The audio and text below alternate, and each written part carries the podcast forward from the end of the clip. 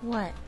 Why are you looking at me like that? You remind me of the babe. What, babe? Babe with the power. What power? The power of voodoo. Voodoo? You do. No, I don't. What? Remind me of the babe! What the f, Soren? Labyrinth! Oh, did you not realize we were doing. La- oh, man, you were pretty much dead on, too. That was great. I don't have time for this. Okay. Sorry. But do you have time to talk about David Bowie's dick? You have only 13 hours. Okay, so Labyrinth is a movie about Jennifer Connelly having to save her younger brother from Muppets, all while learning the power of responsibility, right? Sure. If you say so, man. No, that's wrong, you idiot. I submit that the entire movie is about one thing a teenage girl losing her virginity to her own mind. Talk about David Bowie's dick. First, you have to understand that the entire movie Labyrinth is a metaphor for all the complexities and confusions of a young girl in her first foray into sexual fantasy. Gen Con, she starts the movie out in a park playing pretend, which, frankly, she's a little too old for. And her mom even says, You should have dates at your age. Ah, did you just pause for me to remember a clip from a movie I haven't seen? No. Change my mind. Three minutes. You have three minutes. Talk about David Bowie. Okay, weird that you would choose those specific times. Now, Gen Con tells her younger brother, a baby brother, the representation of her own innocence, I hate you. I wish someone would come and take you away. Then, when her dad and her stepmom go out to dinner, Jennifer Connelly is left alone, and what does she do?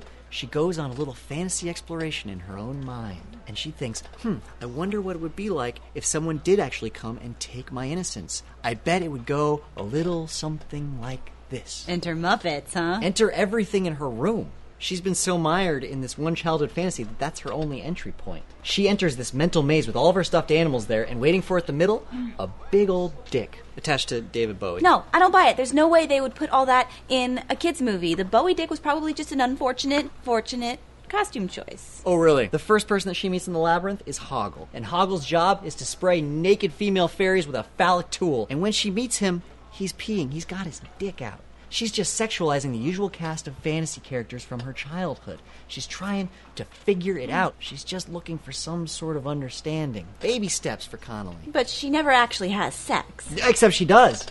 I mean, not literally, but she goes through all of the experiences that lead to sex. She falls into the hole with all of the hands touching her, the taboo and dirtiness of the bog of eternal stench.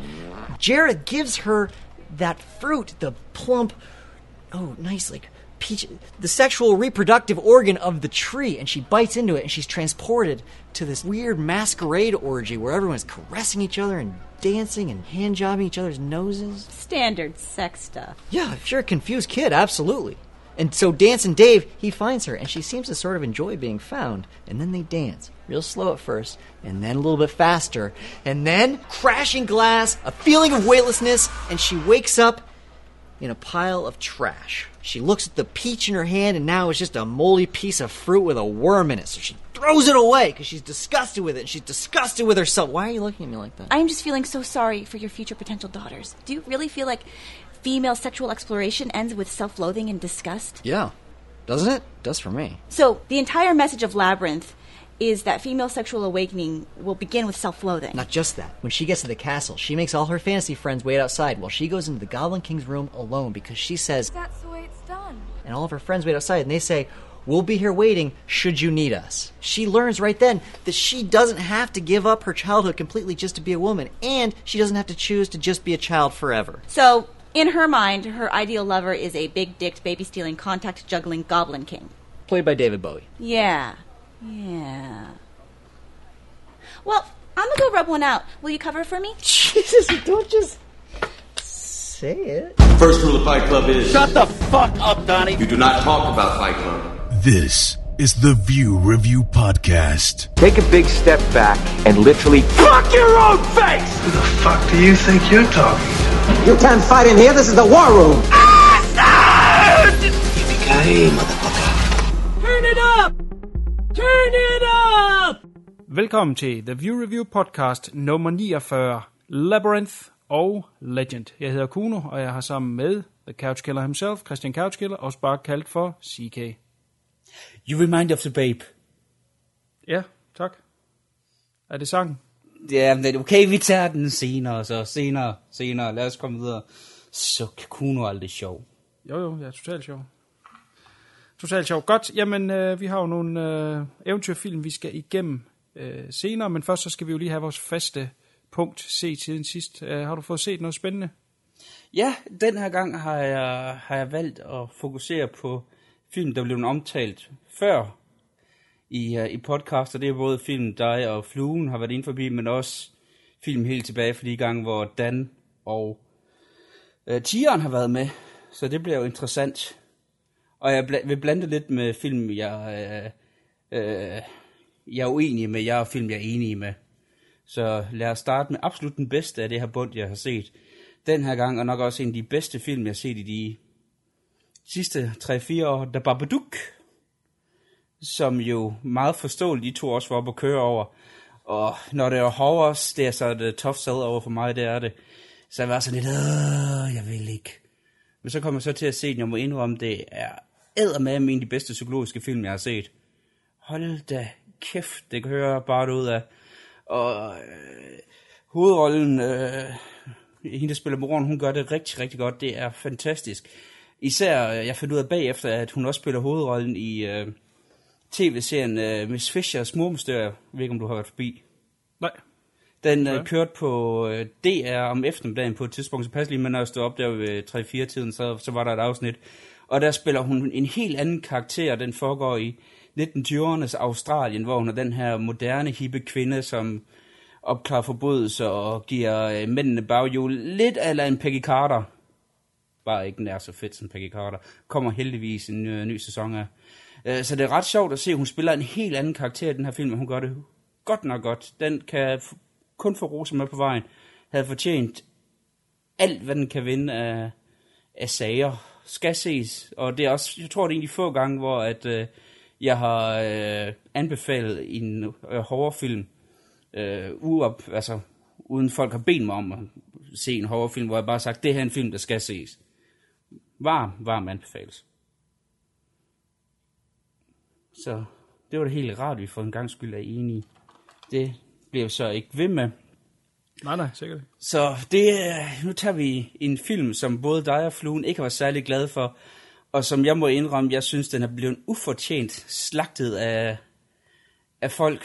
Øh, det er måske ikke verdens bedste film, men Robocop remaket synes jeg faktisk har rigtig mange gode kvaliteter. Okay. I, altså i forhold til, hvor meget den film er virkelig... Jeg turde ikke se den. Hold nu kæft, de har været hårde ved den. Ikke bare... Øh, der er flue, men hele vejen rundt har den film virkelig bare fået had. Og jeg havde sådan lidt, da jeg så traileren, tænkte okay, det her kunne faktisk godt blive udmærket. Så som om, at den ville noget andet, og så stadigvæk på Robocop. Og jeg synes faktisk, det lykkedes for den. Den, øh, den har ikke den samme øh, satiriske øh, kant, som den havde. Det er ikke en, der river og flår i det, som den første Robocop-film gør. Men den har stadigvæk en form for samfundskritik, som jeg faktisk synes er meget, øh, meget relevant. Og jeg vil godt sige, at den er ikke vellykket hele vejen igennem, men den har nogle rigtig gode pointer. Den prøver også på at, at skabe nogle filosofiske spørgsmål, om så helt fortalt stilling til dem. Altså for eksempel, hvor starter manden, hvor, står start, øh, hvor stopper robotten og sådan nogle ting der. Øh, det synes jeg er rigtig interessant. Altså for eksempel hele det der med, hvordan de er nødt til, for at han fungerer som en robot, er de nødt til at skære det væk, der gør ham til menneske. Og, og det synes jeg er meget interessant, de her spørgsmål, den også, og det, det er noget andet end bare en, øh, uh, en, uh, en actionfilm. Altså den prøver i hvert fald, den lykkes ikke helt for den, men den prøver. Og uh, det synes jeg faktisk godt, den kunne få en lille, lille thumbs up for mig med i hvert fald. Og det er også en af de få film, hvor jeg har set en uh, præstation af Samuel Jackson, hvor jeg ikke har lyst til at slå ham. det, og det er sjældent, jeg ser en film, hvor jeg ikke har lyst til at slå Samuel Jackson.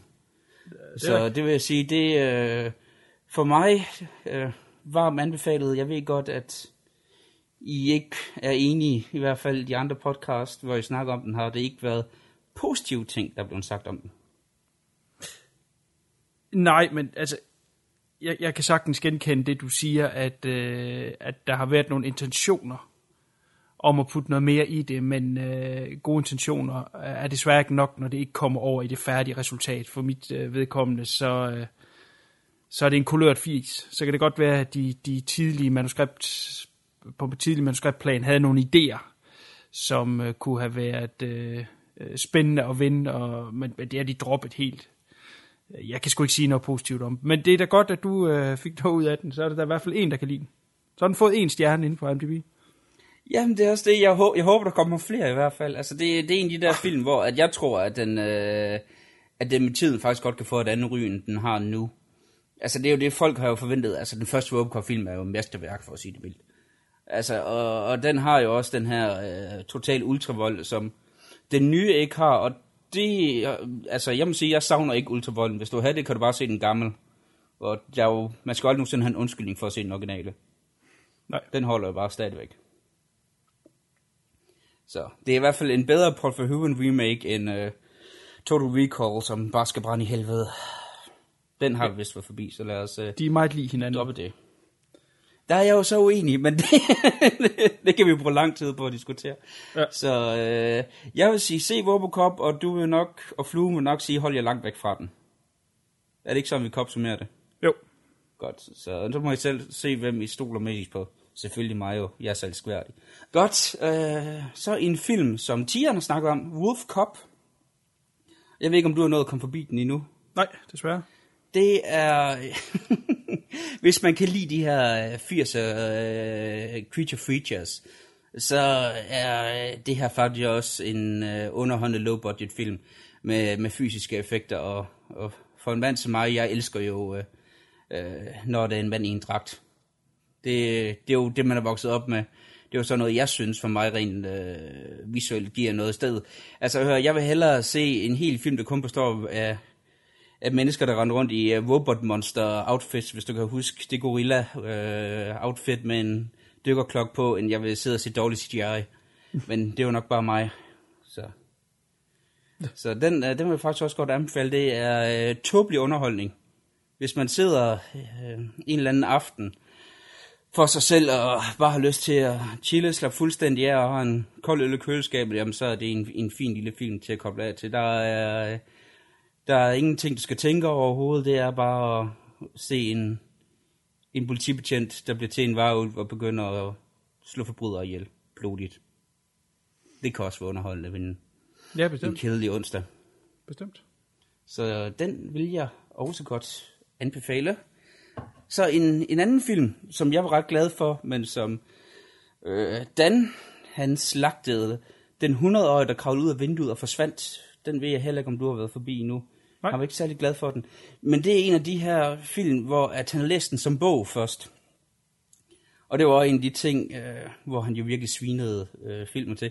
Nu har jeg ikke læst bogen. Jeg synes, filmen var en ganske lille underholdende øh, svensk udgave af Forrest Gump. Faktisk en øh, anti-Forrest Gump, fordi hvor Forrest Gump han gør gode ting, så hovedkarakteren her, jamen han skaber atombomben. Det var fantastisk. Og han slår Stalin ihjel. Det er det værste, værste forbrydelse i menneskehistorien. Det, det må man jo også med.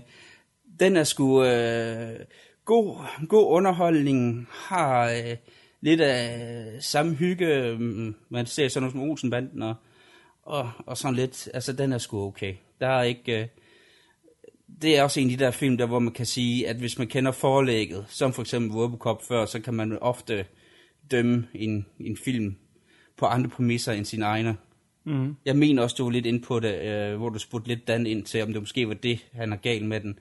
Og efter at se den 100 øje, der kom ud af vinduet, så vil jeg sige, at det er nok det, der har været galt med ham. Det har han bedre kunne lide forlægget.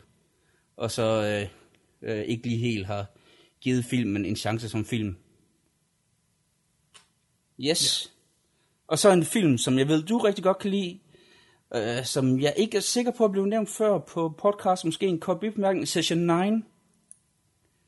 Uh, Brad Anderson, vi har været inde forbi Brad Anderson før, mm. med, hvor vi begge to har i hvert fald så har set uh, The Stonehurst Asylum.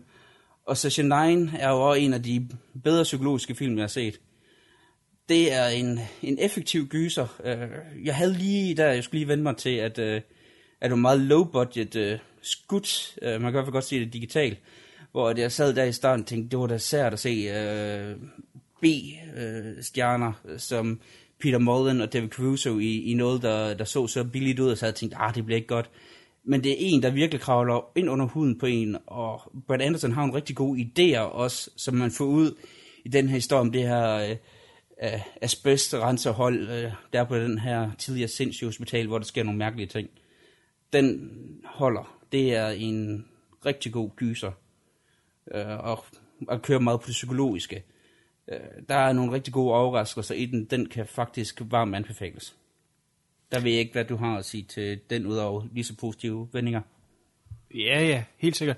Jamen, det er en fantastisk film. Øh, du siger, du den ser billig ud. Altså, den, den var mellem de første film, der blev øh, skudt på det her nye digitale medie, som så ja. ligesom har øh, revolutioneret branchen sidenhen, er, er blevet meget bedre, men øh, det var noget af, af det første, øh, jeg kan huske. Og allerede dengang tænkte man sådan lidt, fu, er det, er det fremtidende film? Skal de nu se sådan her ud fra nu af? Så øh, det skal man måske lige tage med, øh, fordi på den måde synes jeg som så ikke, den er billig. Det, det, det er det her kæmpe sindssyge hospital, som øh, de skal fjerne det her asbest fra.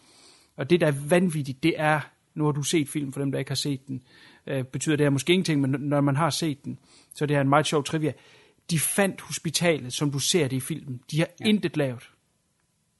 Det, er, de er simpelthen gået ind, og så så det sådan der ud. Det er utroligt, at der findes sådan nogle locations øh, stadigvæk i verden, at det ikke er revet ned. Og det er også synd, at det ikke eksisterer længere, desværre. Altså, det, det er revet ned nu, fantastisk, ja. ja. Øh, der, er, men der er stadigvæk hjemmesider, der, der hylder det her. Øh, er det Deacon, det hedder? Jeg kan sgu ikke huske navnet. Jeg kan sgu heller ikke huske, hvad det hedder, men det er i hvert fald et fantastisk bygningsværk, så det her. Ja.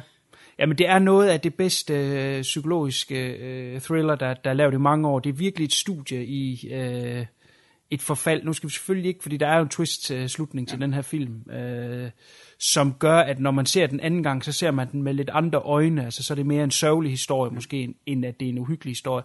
Peter Mullen, han spiller måske noget af hans allerbedste i den her film. Han er en god skuespiller. Ja. Og selv David Caruso, igen ligesom Samuel. Jackson, det er en film, hvor du ikke har lyst til at slå David Caruso. Ja. Igen, det er jo et win for den. Altså, det er jo også bare en skuespiller, jeg elsker at have. Altså, det er jo, hvis du har været så heldig at se et afsnit eller to af C.S. Miami. Ah, men han er jo forfærdelig. Og uh, selv uh, New York Blues, han er jo så stenansigt, det næsten gør ondt at se, samtidig med, at han har den der forfærdelige stemme. Men i den her, der fungerer han fuldstændig. Ja, der spiller han faktisk skuespil. Jeg troede ikke, han kunne. Ja. Jeg synes, der er dukket nogle ting op igennem tiderne, som han er okay. Øhm, men ja, det er en uh, film, der helt sikkert er værd at tjekke ud. Den har en åndssvag dansk titel. Uh, er det noget med Dødens Hospital, eller sådan et eller andet? Det ved jeg faktisk ikke. Jeg, jeg ja, så den har en fucked up dansk titel. Ja. Det er jeg helt sikker på. Yes, og øh, der var en gang, hvor at du havde fluen, der øh, anmeldte en film, hvor mit eneste spørgsmål til ham, det var, hvorfor, og jeg så også desværre selv endt med at se Transformers Age of Extinction. Og jeg, altså, jeg sad også hele filmen og spurgte mig selv, hvorfor, altså, når jeg tænkte på, hvor meget jeg havde været efter fluen, og så endte jeg selv med at se den gang lort. Um, altså, det, ja, alt det fluen sagde og lidt mere til. Øh, den skal man virkelig bare holde sig fra. Altså, jeg ved ikke, hvorfor jeg endte med at se den alligevel. Og øh, jeg foragter mig selv lidt for det. Øh, tag både fluene mine ord for det. Hold jer fra den. Hold, hold, hold, hold jer langt væk. Det er ikke godt. Det, og de der robotter, de der dinosaurus-robotter, du får ikke nogen forklaring på. Lige pludselig så er de der bare. Sådan, øh, der er en 20 minutter tilbage i filmen, og så er lige pludselig dinosaurus-robotter. Der er ikke rigtig nogen grund til, at de er der, men lige pludselig så er de der. Nå, fuck det. Lad være med at bruge mere tid på den så. Det er ikke en recommend. Yes, ja. Og en, en film, som jeg glæder mig lidt til at diskutere, trods lige den sidste den her omgang. Uh, en film, som I har snakket meget positivt om. Red Hot American Summer, den kommer som tv-serie her på Netflix om ikke så lang tid. Mm. Og jeg vil så kigge ud, det er jo gået hen og blevet en, en kultfilm, og har rigtig mange folk, der elsker den. Så jeg har også lidt glædet mig til den. Den er jo fuld af uh, nu uh, uh, store skuespillere, som store kendte skuespillere som uh, Paul Rudd og øh, Kirsten Wick blandt andet, og David Hyde Pierce, og jeg kan blive ved. En pissefed voldlisten har. Jeg blev ikke fanget af den. Altså, jeg, jeg er en af dem, der, der godt kunne se, hvorfor det blev en fiasko i sin tid. Og jeg håber, de, de, de tweaker lidt ved formlen i, uh, i tv-serien. Det, det vil jeg godt lige høre, uh, høre dig om, hvad, de, hvad dine holdninger er til det. Altså, hvad, det er en af de der film, hvor jeg sad lidt og tænkte, jeg kunne ikke se øh, charmen ved den. Det er godt hvad du kan prøve at forklare mig.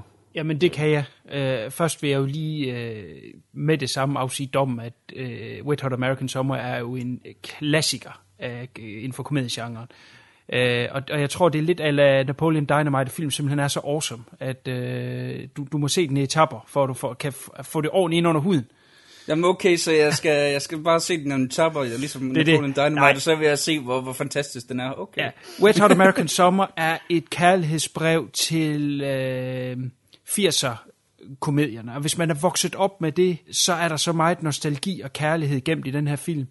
Så øh, der er måske ikke i sig selv så meget, den kommer med, men den laver så mange referencer og hints til øh, et utal af, af, af film, som jeg har set og elsket op igennem 80'erne. Så, så for mig der var det bare... Øh, ja, Walk Down Memory Lane i en ny film. Jeg kan ikke huske, hvornår den er fra, 2000 eller sådan noget. Øh, og det synes jeg var fantastisk. Øh, og så har de ramt det 80'er feel så perfekt, at øh, den føles jo, som om den er fra 80'erne. Havde man ikke øh, kunne, gen, kunne genkende nogle af de her skuespillere, nogle af dem var så kendte på det her tidspunkt, øh, at, at de lavede film, som ligesom daterer den i, at den, den må være fra 2000 af, øh, jamen så vil du sagtens kunne bilde nogen ind, at den er fra øh, 1983. Og det synes jeg er en, er en kunde i sig selv. Og derudover så filmen, den var, den var jo hjemsøgt af så mange problemer. Det regner hele tiden i filmen, selvom du skulle forestille at, at, at være høj sommer, og de havde simpelthen så mange problemer med den, og alligevel så er det løst dem at, at, at lave en øh, super underholdende film. Masser af fede referencer fra, som sagt, 80'er film, men også helt op til Trainspotting, uh, laver de også grin med. Det er sgu en super cool film. Det med den tv-serie, det må vi se, det er for mig to forskellige verdener, for jeg tror ikke, de kan fange magien, som de har i filmen. Men uh, Jeg synes bare, det var ondsindet. Altså, jeg, jeg, sad, jeg, sad, jeg sad bare og synes det var led. Det var sådan lidt det, jeg fik ud af den. Altså, det, altså jeg havde også det der med, som du snakker om, at øh, den skulle være 80'ers bred. Jeg troede også, at altså, mange af de der 80 film har en vis form for charme. Mm. Det synes jeg slet ikke, den her havde. Altså, jeg synes bare, det var sådan, altså, man tog i en 80'er film, og så fjernede man al den der hjerte af nerve. Altså, selv sådan noget som øh, Cheerleader Camp, øh, en, øh, en slasher, vi engang så, den havde, selv den havde sgu en eller anden form for hjerte. Sleepaway Camp for eksempel også, hvis vi skal snakke om, om andre øh, lejerfilm, har sgu også en eller anden form for hjerte. Det synes jeg bare slet ikke, den her havde. Altså det, øh, jeg, så, jeg blev underligt kold over den, og jeg havde troet, det skulle blive sådan en, en varm, øh, fuzzy feel. Det, det fik jeg slet ikke. Øh, så øh, lad os da håbe, at øh, det er bare mig, der er gal med den her gang. Ja. Men jeg, jeg, jeg, jeg fandt den øh, kold og led. Nå, okay. Jamen det kan jo være, at øh, tv-serien fanger dig mere end, end film. Det er jo det samme crew og cast, der, der står bag serien også. Men det var også bare hele det der med, at jeg, synes, de var så onde. Altså, det, men det skal vi ikke snakke så meget om, som folk, der gerne vil se en film. De skal have lov til selv at danne deres, danne deres holdninger til den. Når at, øh, så kan de jo selv, når de ser det, finde ud af at diskutere, hvem er os, der har ret. Det er jo heldigvis op til folk selv at finde ud af. Så yes, det var, øh, hvad jeg har været forbi denne her gang. Godt, men jeg kan jo tage Depression op, hvor du øh, lagde den nemlig øh, ting, vi har været forbi tidligere, som andre har øh, ytret sig om, og i den her øh, sammenhæng er det både CK og Fluen, som andre folk, jeg har øh, mødt undervejs, som hele tiden har sagt, at øh, jeg skulle tage og give den her Banshee en chance. Så øh, jeg satte mig til at se første sæson, og den faldt bestemt ikke i min smag jeg, jeg må stille mig lidt på bagbenene forhold til I andre. Jeg, jeg kan slet ikke se, øh, hvor øh, fascinationen af den kommer fra. Jeg synes, det er, den har nogle plusser, selvfølgelig. Øh, Ulrik Thomsen er, er bestemt en af dem. Jeg synes, grundideen i, øh, i historien kunne have været drevet til noget fedt. Det kan være, det kommer i de senere sæsoner, men øh, det synes jeg ikke, man kan bygge en tv-serie op om, at, at man skal nå øh, ind til anden eller tredje sæson. Jeg, jeg forstår slet ikke, at man ikke bruger mere omkring det her øh, Amish-samfund og, og øh, Ulrik Thomsens øh, forhold til dem. Øh, jeg synes jo reelt kun, der er én scene i hele første sæson, hvor at, øh, at han brænder lidt igennem omkring det her øh, Amish, og han vender tilbage til, til den her farm, eller den her by, eller hvad man kalder det, community, som har vendt ham ryggen, fordi han er blevet den her øh, crime lord, øh, kingpin. Og øh, altså, der kommer der lidt af det, der kunne have været interessant øh, af en, af en Amishmand, der hopper ud af, af det her liv og starter det her øh, crime syndikat. Der, der kunne man jo sagtens have lavet nogle ting, det synes jeg slet ikke kommer til, til livs. Men, men Ulrik Thomsen, som sagt, gør det godt. Hovedpersonen i tv-serien, som, øh, som er, er seriens star, som sjov nok også hedder Anthony Star, hold kæft, han er en ring skuespiller. Altså, hvad sker der? Nu snakkede jeg med, øh, med Tieren for nylig om, om, om øh, dårlige skuespillere, der får hovedrolle øh, i, i de her serier fra øh, Green Arrow. Øh, ham spillet øh, øh hovedfiguren deri. Altså en papfigur. Ham her er dog bedre, men jeg synes simpelthen, han er horribel. Øh, intet interessant ved den karakter, og det synes jeg er forkert, fordi det er jo ligesom ham, der skal bære det ved at være øh, på begge sider af loven. Han prøver jo at være politimand samtidig med, at han jo selvfølgelig er øh, en bad guy, gør det på hans måde. Ja, jeg, jeg ved det ikke. Jeg synes, der var ingenting i den. Øh, det er de her episode, hver episode er lige en lille historie. Så kommer der en wrestler til byen, som voldtager en pige, og så banker han ham, og så er det, okay, det er det afsnit. Ikke? Og så den her grundhistorie snakker om den her øh, Kingpin. Det kan være, det kommer senere, men, men han dukker bare lige op, Ulrik Thomsen, lige ganske kort i hver afsnit, og så øh, er der ikke rigtig noget. Altså, jeg synes, det er en, en kulørt 80 på en eller anden måde, med, med lidt vold og lidt øh, uh, TNA, og det er sådan set det, der er i den. Uh, jeg kan forstå, at der er lavet en, en miniserie ved siden af, der hedder Banshee Origins. Uh, det kan være, at der er noget mere i den, der bygger op omkring det, det ved jeg ikke, men, men isoleret set på, på Banshee, øh, har ikke fanget mig overhovedet. Jeg har ikke øh, nogen intention om at, at se videre. Jeg kedede mig i nogle afsnit. Igen, det er meget det her episode. Føles ikke som en, en, en helhed i en serie, som på den måde ligesom får os videre. Øh, ej. Det, jeg ved godt, alle er helt op og, og kører over den, så, så at jeg siger, at det ikke er et recommend, betyder selvfølgelig ikke noget, men der må sgu godt lige være lidt mere i det. Enten må den være mere spændende, altså må den have lidt mere nerve eller et eller andet. Den mangler noget for mit vedkommende for at, at holde mig øh, hængende. Selve hovedhistorien, som ligesom skal føres fra afsnit til afsnit, synes jeg er så vag, at øh, øh, det kan sgu ikke fænge mig. Det er det korte af den. Der vil jeg så sige til dig, at så skal du ikke se mere. Godt. Kan, altså, fordi så, så, så er det ikke en serie for dig, så skal du bare holde dig langt væk fra den. Så øh, det, det kan jeg sige allerede nu, fordi det det bliver ikke bedre. Banshee går hen og... og uh, det Banshee er, det er TNA og de Ultravold. Og jeg tror også, det er fluen og mig, snakker meget om, at, at det er det, der er i den. Og hvis man leder efter en shakespeariansk historie, så får du det sgu desværre ikke her. Uh, det, du, uh, det du efterlyser uh, med, med Ulrik Thomsen, der kommer lidt af det, men slet ikke i den grad, du gerne vil have. Hvis du vil have noget i den stil, så prøv den tv-serie, der hedder Red Road. Okay tror, den hedder Red Road, med Jason Momoa, øh, ham som øh, øh, spiller den nye Conan, øh, og også med det der Game of Thrones ting. Øh, Øh, der tror jeg faktisk bedre, du kunne lide den. Det handler øh, om øh, det her mor i en øh, New Jersey forstad, hvor du har den her øh, sheriff, der skal opklare mordet, hvor han så er nødt til at lave en aftale med øh, den her øh, henchman for en lokal indianerstamme, den kører meget det der med, hvor at, øh, du har, hvordan at ham her, henchman, han øh, står lidt uden for indianerstamme, men prøver på at komme tilbage igen, og den kører meget af det der med den dybe historie. Øh, jeg tror, du, du faktisk kunne lide den. Den tror jeg godt, du kan give en chance. Jeg tror, den hedder Red Road, jeg er ikke sikker. Øh, kan jeg lige øh, finde ud af senere, men med Jason Moore. Den tror jeg hellere, den tror jeg mere er din stil. Den prøver øh, noget mere, den har ambitioner. Okay. Og det har Banshee ikke. Nej. Det er bare godt. underholdning. ja. Godt, super. Super, super. Det vil jeg prøve at tjekke ud. Godt.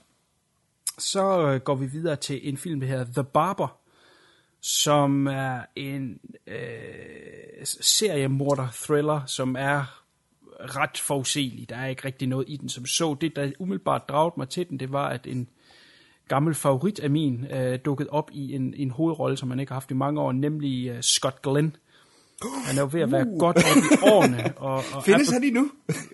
at, hvad siger du? Er han, kan, er, er han ikke blevet senil eller sådan noget? Ja, men han, han, altså, han ser måske ikke så frisk ud. Uh, han, han er blevet meget tynd. Han var jo tidligere meget sådan buff op igennem uh, Fordi han var forfærdelig i den nye Daredevil tv-serie. Uh, jamen, den får så dårlig kritik, at den har jeg ikke tænkt mig at bruge tid Jamen, lad være, hold dig fra den. ja. Men, øh, men jeg tænkte, øh, der skulle noget cool over Scott Glenn. Det kan være, at han stadigvæk har lidt. Og jeg vil da sige, momentvis, øh, så har han det stadigvæk, men han er altså lidt en, øh, en skygge af sig selv, fordi han som sagt er skrumpet godt ind. Øh, det er jo, hvad alderen kan gøre øh, ved selv de bedste af os. Øh, han er en, øh, ja, en barber i den her bitte by, hvor der så kommer en ung mand og opsøger ham, som er helt overbevist om, at han er en tidligere mistænkt seriemorder, som så slap væk fra politiet, og så nu lever under øh, nyt navn og identitet i den her bitte by. Og han vil gerne oplæres, han vil gerne være seriemorder, ham her den unge, og har så en idé om, at han kan presse øh, den her aldrende øh, frisør, barber, til at, at, at lære ham øh, de forskellige tricks, så han kan slippe afsted med at være øh, Øh, seriemorder. Og så er der jo så størstedelen af filmen, at øh, han benægter, jeg har ikke intet med det her at gøre, du tror, at jeg er en anden, og ja, det, ja, det, det. Er jo det, jeg siger med den er forudsigelig, så jeg afslører ikke noget ved at sige, at Scott Glenn selvfølgelig er den her seriemorder, og så begynder der at komme lidt twists and turns øh, undervejs, og hvem, hvem spiller hvem, og, og øh, ja, den er fin som en søndagsfilm. Der er ikke noget revolutionerende nyt i den, men øh, okay, og er man øh, gammel øh, Scott Glenn-fan som, som jeg, så, øh, så er det sgu et fint kig lige at se, hvad han kan i dag. Han falder ikke igennem på nogen måde. Det er ikke som et trist syn. Han har stadig ikke stemme. Han har altid haft en rigtig sej stemme. Ja. Men, øh, men, men kroppen er, er svundet noget ind til en... Man kan godt se, at han er en aldrende herre i dag. Så tror jeg hellere, jeg vil se en af hans 80'er film. Altså den originale Man on Fire, øh, tror jeg måske hellere, jeg vil kaste mig over. Ja, det kan man jo at gøre. Godt, vælger jeg lige hurtigt en, øh, den nyeste Adam Sandler-film, som hedder The Cobbler, som handler om den her, øh, ja, Cobbler, som er en, øh, en skomager. Han er, Adam Sandler spiller den her jødiske skomager, som har en lille bitte butik, der har været i familien i generationer.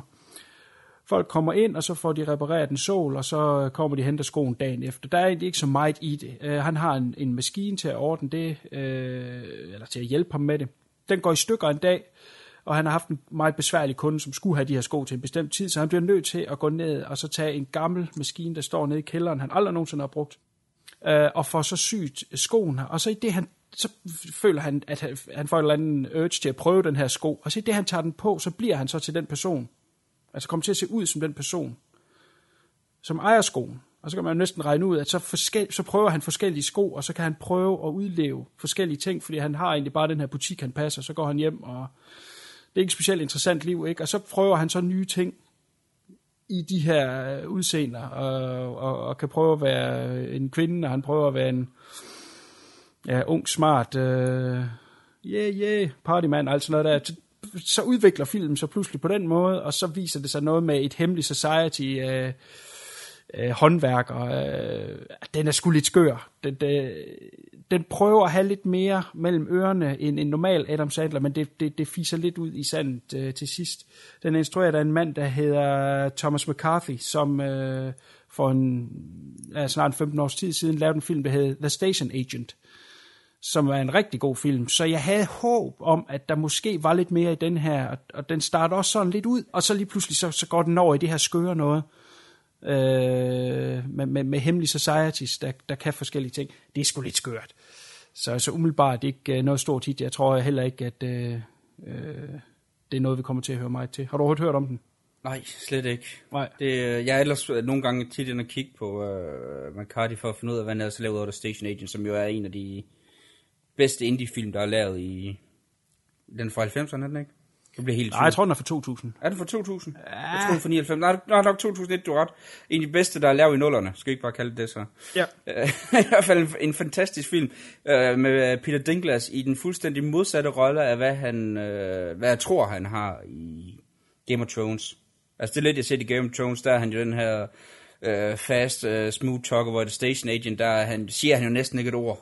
Mm. der er han jo bare den her mand, som bare vil være alene med hans togstation. Det er fantastisk. Altså, det, det kan man jo kun elske. Så, men altså, jeg må indrømme, jeg er typen, der normalt ikke ser Adam Sandler-film, men hans nyeste, efter at se traileren, bliver nødt til at se Pixels. Jeg ved ikke, om du har hørt om den nu? Nej. Den har det skøreste plot, jeg nogensinde har hørt. Øh, der i 80'erne blev der sendt den her øh, rumskib ud i, øh, i verdensrummet, der havde del af det menneskelige kultur, men der var blandt andet nogle computerspil. Det er så nogle aliens, der har fået fat i, og så har de så lavet de her monstre som Pac-Man og Centipede øh, for alle de her gamle øh, computerspil, som så prøver på at øh, overtage verdensherredømmet. Okay. Så, du, øh, så i traileren, der har du Pac-Man, der render rundt og spiser mennesker. Ah, men... Øh, den trailer er simpelthen for morsom. Der har du så også Peter Dinklage, øh, som jeg snakkede om lige før. Han spiller en af de her... Øh, en af de her hackere her, og så Kevin James er selvfølgelig også med, når det er en Adam Sandler-film. Øh, jeg ved ikke, om det er godt eller skidt, men der har så sindssygt plot, jeg er nødt til at se den biografen. Øh, det er nok første og eneste gang, jeg glæder mig til en Adam Sandler-film. Ja, okay. Det, det er sjældent, jeg, jeg bruger, det er nok, det er den eneste gang, jeg har sagt det om en, Sandler-film. Så lad os nu se. Det kan kun være bedre, end hvad du siger, det kobler den her i hvert fald. Ja, der kobler jeg sgu lidt noget skuffende. Nå. Yes, sirs. Lad os gå videre til en anden film, som jo har været ventet. Den skulle egentlig rigtig have haft premiere sidste år, men blev øh, udskudt, og det er jo altid sådan noget, hvad betyder det, mon? Det er Maggie, som er en anderledes zombiefilm med Arnold Schwarzenegger i hovedrollen. Åh, oh, det glæder mig til at høre om. Ja, ja, altså, jeg er jo ikke den store zombie-fan, så øh, umiddelbart skulle man jo tro, at det ikke lige lå til mig. Jeg vil sige, det er en middelfilm, måske lige øh, takken over middel, fordi at den prøver noget andet end alle andre zombiefilm. Nemlig at være lidt mere menneskelig. Den, ganske kort så handler den om en tid, hvor at øh, de her zombieudbrud er, men det er ikke sådan noget med, at man bliver bit, og så fire sekunder efter som en zombie.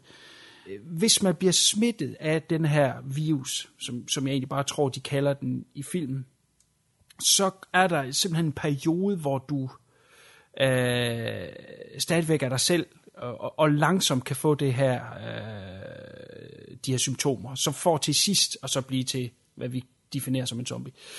Og der er så sådan nogle øh, øh, lejre, hvor at man kommer hen, når man er ved at være på sidste stadie, men man må som så gerne være i samfundet, mens man har den her øh, periode, og, og så går man til læge, og så tjekker lægen en og alt sådan noget der. Og, og der følger man så den her lille familie, der bor ude på landet, hvor øh, Schwarzenegger så er faren, og så er datteren øh, fået den her, den ældste datter har fået den her sygdom. Og så handler den lige så meget om det at sige farvel, og, og, og de ved jo godt, hvad det vil ende med. Og han vil have hende hjem til til allersidst. Han vil ikke aflevere hende i en camp, og politiet kommer så af et par omgange for at se, hvor langt hun er i stadiet, for hvornår de skal tage hende med.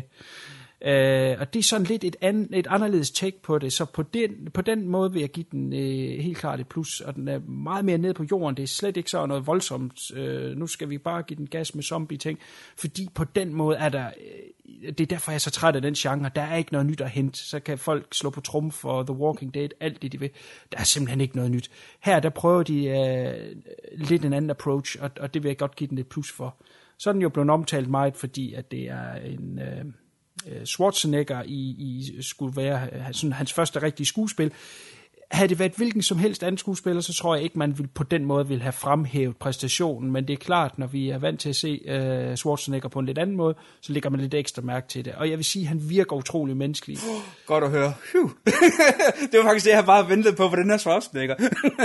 ja, men han gør det rigtig godt, og, og, og virker troværdig. Øh, og øh, altså på den måde er det ikke sådan, at, at han bærer filmen, og man kommer ud og sådan helt, what, hold kæft, mand. Øh, hvor han gennem det skuespil alle de år der, men for hvad den er, og det, det er mere noget med følelser at gøre, det er ikke noget, hvor han er ude og banke zombier eller noget som helst, så gør han det rigtig godt, og øh, det er en lille film, og, og øh, jeg ved ikke, om den er low budget, men, men altså, der er ikke brugt på den måde de store armkræfter. Øh, så, så det er mere ned på jorden, det er ikke noget stor flashy. Øh, så det kan både arbejde for filmen og imod filmen, at Schwarzenegger med, for der er sikkert nogen, der vil sige, at jeg gider simpelthen ikke øh, sådan noget end of days bare med zombier. Det er slet ikke sådan noget. Så altså et recommend herfra, men, øh, men man skal også lige passe på, at hypen den ikke øh, løber afsted med den. Hvorfor den blev udskudt det år der, det, det aner jeg simpelthen ikke... Øh, det, det må der have været en dybere mening med. Men jeg vil godt anbefale den, og, og er bestemt... Øh, øh, en seværdig film. Jamen, det er også sådan, den bliver solgt. Altså, den bliver jo solgt med, at det er så nede på jorden. Altså, i traileren ser du, at han fortæver en enkelt mand. Altså, der, der jo, ser du en enkelt politimand, der er i stand til at holde ham nede. Det ser man altså normalt ikke Marlon Schwarzenegger. Der skal jo en helt kolumbiansk her på 3.000 mand til. Der kan jo stadigvæk meget ned med en kniv mellem tænderne. altså, det er jo det, altså, det er også det, når du ser trailer og, og scener og sådan noget film, det virker også, som de virkelig bare vil noget helt andet, end, end hvad du vant til Marcus Schwarzenegger-film. Mm. Og, og det synes jeg også virkelig fremgår øh, af filmen, og som du selv siger, jeg tror faktisk kun, den koster omkring 10 millioner at lave. Øh, og jeg tror lidt, at øh, han håber på, at det bliver hans Copland. Jeg, jeg, tro, jeg, jeg, tror, ja. jeg tror lidt, at det måske sådan nogle bagtanker, han måske har ved at lave sådan en film, at uh, nu har det vist sig, at de nye store actionfilm, han lavet, de har bumpet fælt. Så nu prøver han, om han måske kan genskabe hans karriere på en anden måde. Det lykkedes jo rigtig godt for Søster Stallone med Copland. Uh, mm. Jeg synes stadigvæk er en rigtig god film. Ja, helt sikkert. Ja, altså, man kan sige, hans øh, hemsko, hvis det er, at han siger, okay, alderen er ved at indhente mig, jeg vil gerne stadigvæk lave film, måske jeg skal prøve at se, om jeg kan komme ind på lidt andre genrer og, og lidt andre territorier, så er hans store hemsko, det er jo, at han står i engelsk. Ja. Altså, de skal hele tiden shoehorn ind, at, at han på en eller anden måde er en udlænding. Uh, han er, jeg kan ikke huske, om de siger, hvad, hvor han er fra i den her film, han har et udlandsk navn af en art, ja. så man ligesom tænker, okay, han er, han er tilflytter, og det, så, så godkender vi ligesom, at han har den accent, han nogle gange har. Jamen, jeg har lidt, altså mentorroller. Øh, det ser ud som de næste par film, som Stallone laver, det med mentorroller. Det tror jeg også, det bliver så noget, at man kan bruge Anders Schwarzenegger til. Mm. Altså, hvor han er mentor for en, øh, et yngre kul øh, af, af skuespillere. Sådan nogle ting der. Altså, altså bruge ham til at sælge små projekter til, som de for eksempel her gør med, med Maggie. Jeg kan ikke se ham vende tilbage til... Øh, øh, den, den store øh, stjernesky i, øh, i Los Angeles. Jo, altså, hvem ved, hvordan det går med triplets? Altså, nu har de både øh, Eddie Murphy og Dan DeVito med den her gang, så det kan være triplets, men lige så store som tvillinger. Jeg tror ikke på det. men lad os nu se, men jeg tror, det bliver mindre og mindre film, vi kommer til at se med ham. Og det er også derfor, jeg er glad for at høre, at øh, han gør en fin præstation. Fordi Jamen, det, det, det er nok det, han, han skal regne med, at han kommer til. Og jeg glæder mig til Maggie. Det er også en, at på et eller andet tidspunkt vender tilbage til den, når jeg øh, får min klamme finger på den. Ja. Øh, så, øh, øh, men jeg glæder mig til den. Det er, øh, altså, det er løgn at sige, at jeg ikke glæder mig til Schwarzenegger-film. Det gør jeg en gang imellem, fordi det, altså godt være, det er lort, men det gengæld næsten altid underholdende. Mm. Øh, så øh, det, bliver, det bliver spændende at se ham i en seriøs rolle. Hvem er det, der spiller øh, datteren forresten? Er det ikke også sådan de der... Øh, Abigail Breslin. Abigail Breslin. Ja, lad os, lad os se med hende. Jeg synes ikke, hendes nye film er særlig god, men øh, det kan være, hun, hun er ved at prøve på at komme væk fra det der øh, teenage-rolle, hun havde. Det lykkedes for sådan en som Heath Ledger. Hvorfor ikke hende? Altså, lad os nu se. Lad os se. Yes. Goodie. Så tager vi en sci-fi film, jeg synes uh, lugter af puha. Åh oh, nej. Ja, åh oh, nej. Den hedder Chappie, som er af Neil Blomkamp, som jo tidligere har lavet District 9 og Elysium, som er to film, jeg heller ikke var så meget op at køre over. Så jeg ved ikke, uh, ham og så sci-fi så meget, det dur bare åbenbart ikke i, i sammenhæng. Uh, er det en, du har set? Uh, nej, jeg turde ikke på grund af anmeldelserne. Jeg var stor fan af, af District 9. Jeg var på det hold. Uh, Elysium, ligesom de fleste andre, var jeg meget kølig overfor. Uh, ikke, ikke helt uh, hadende, men, men kølig. Og, og Chappie, hvad jeg har hørt om det, det her bliver hun svinet så meget til, at jeg slet ikke tør. Altså. Ja. Og den der mullet, der Hugh Jackman render rundt med, kan jeg, ikke at, kan jeg ikke holde til at se på i over to timer.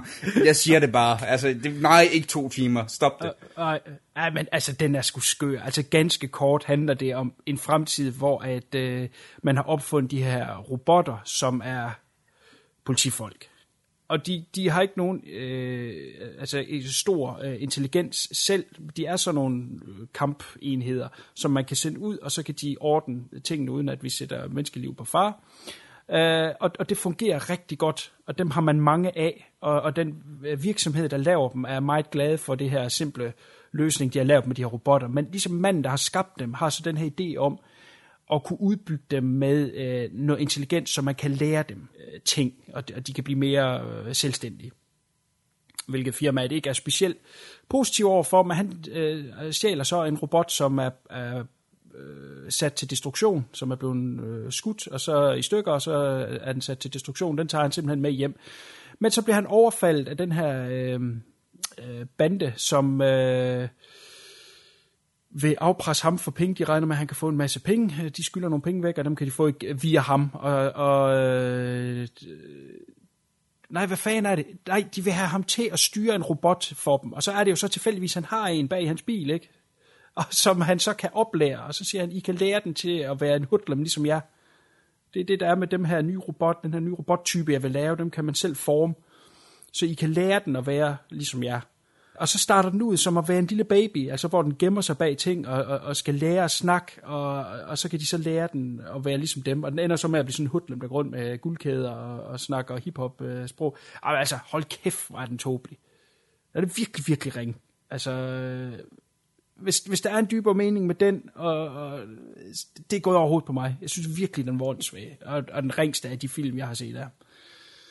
Så, en af de ting, der skræmte mig væk, det er de der to, der spiller hoodlums. Øh, hende der med de lyse hår og sådan der skinger stemme, og ja.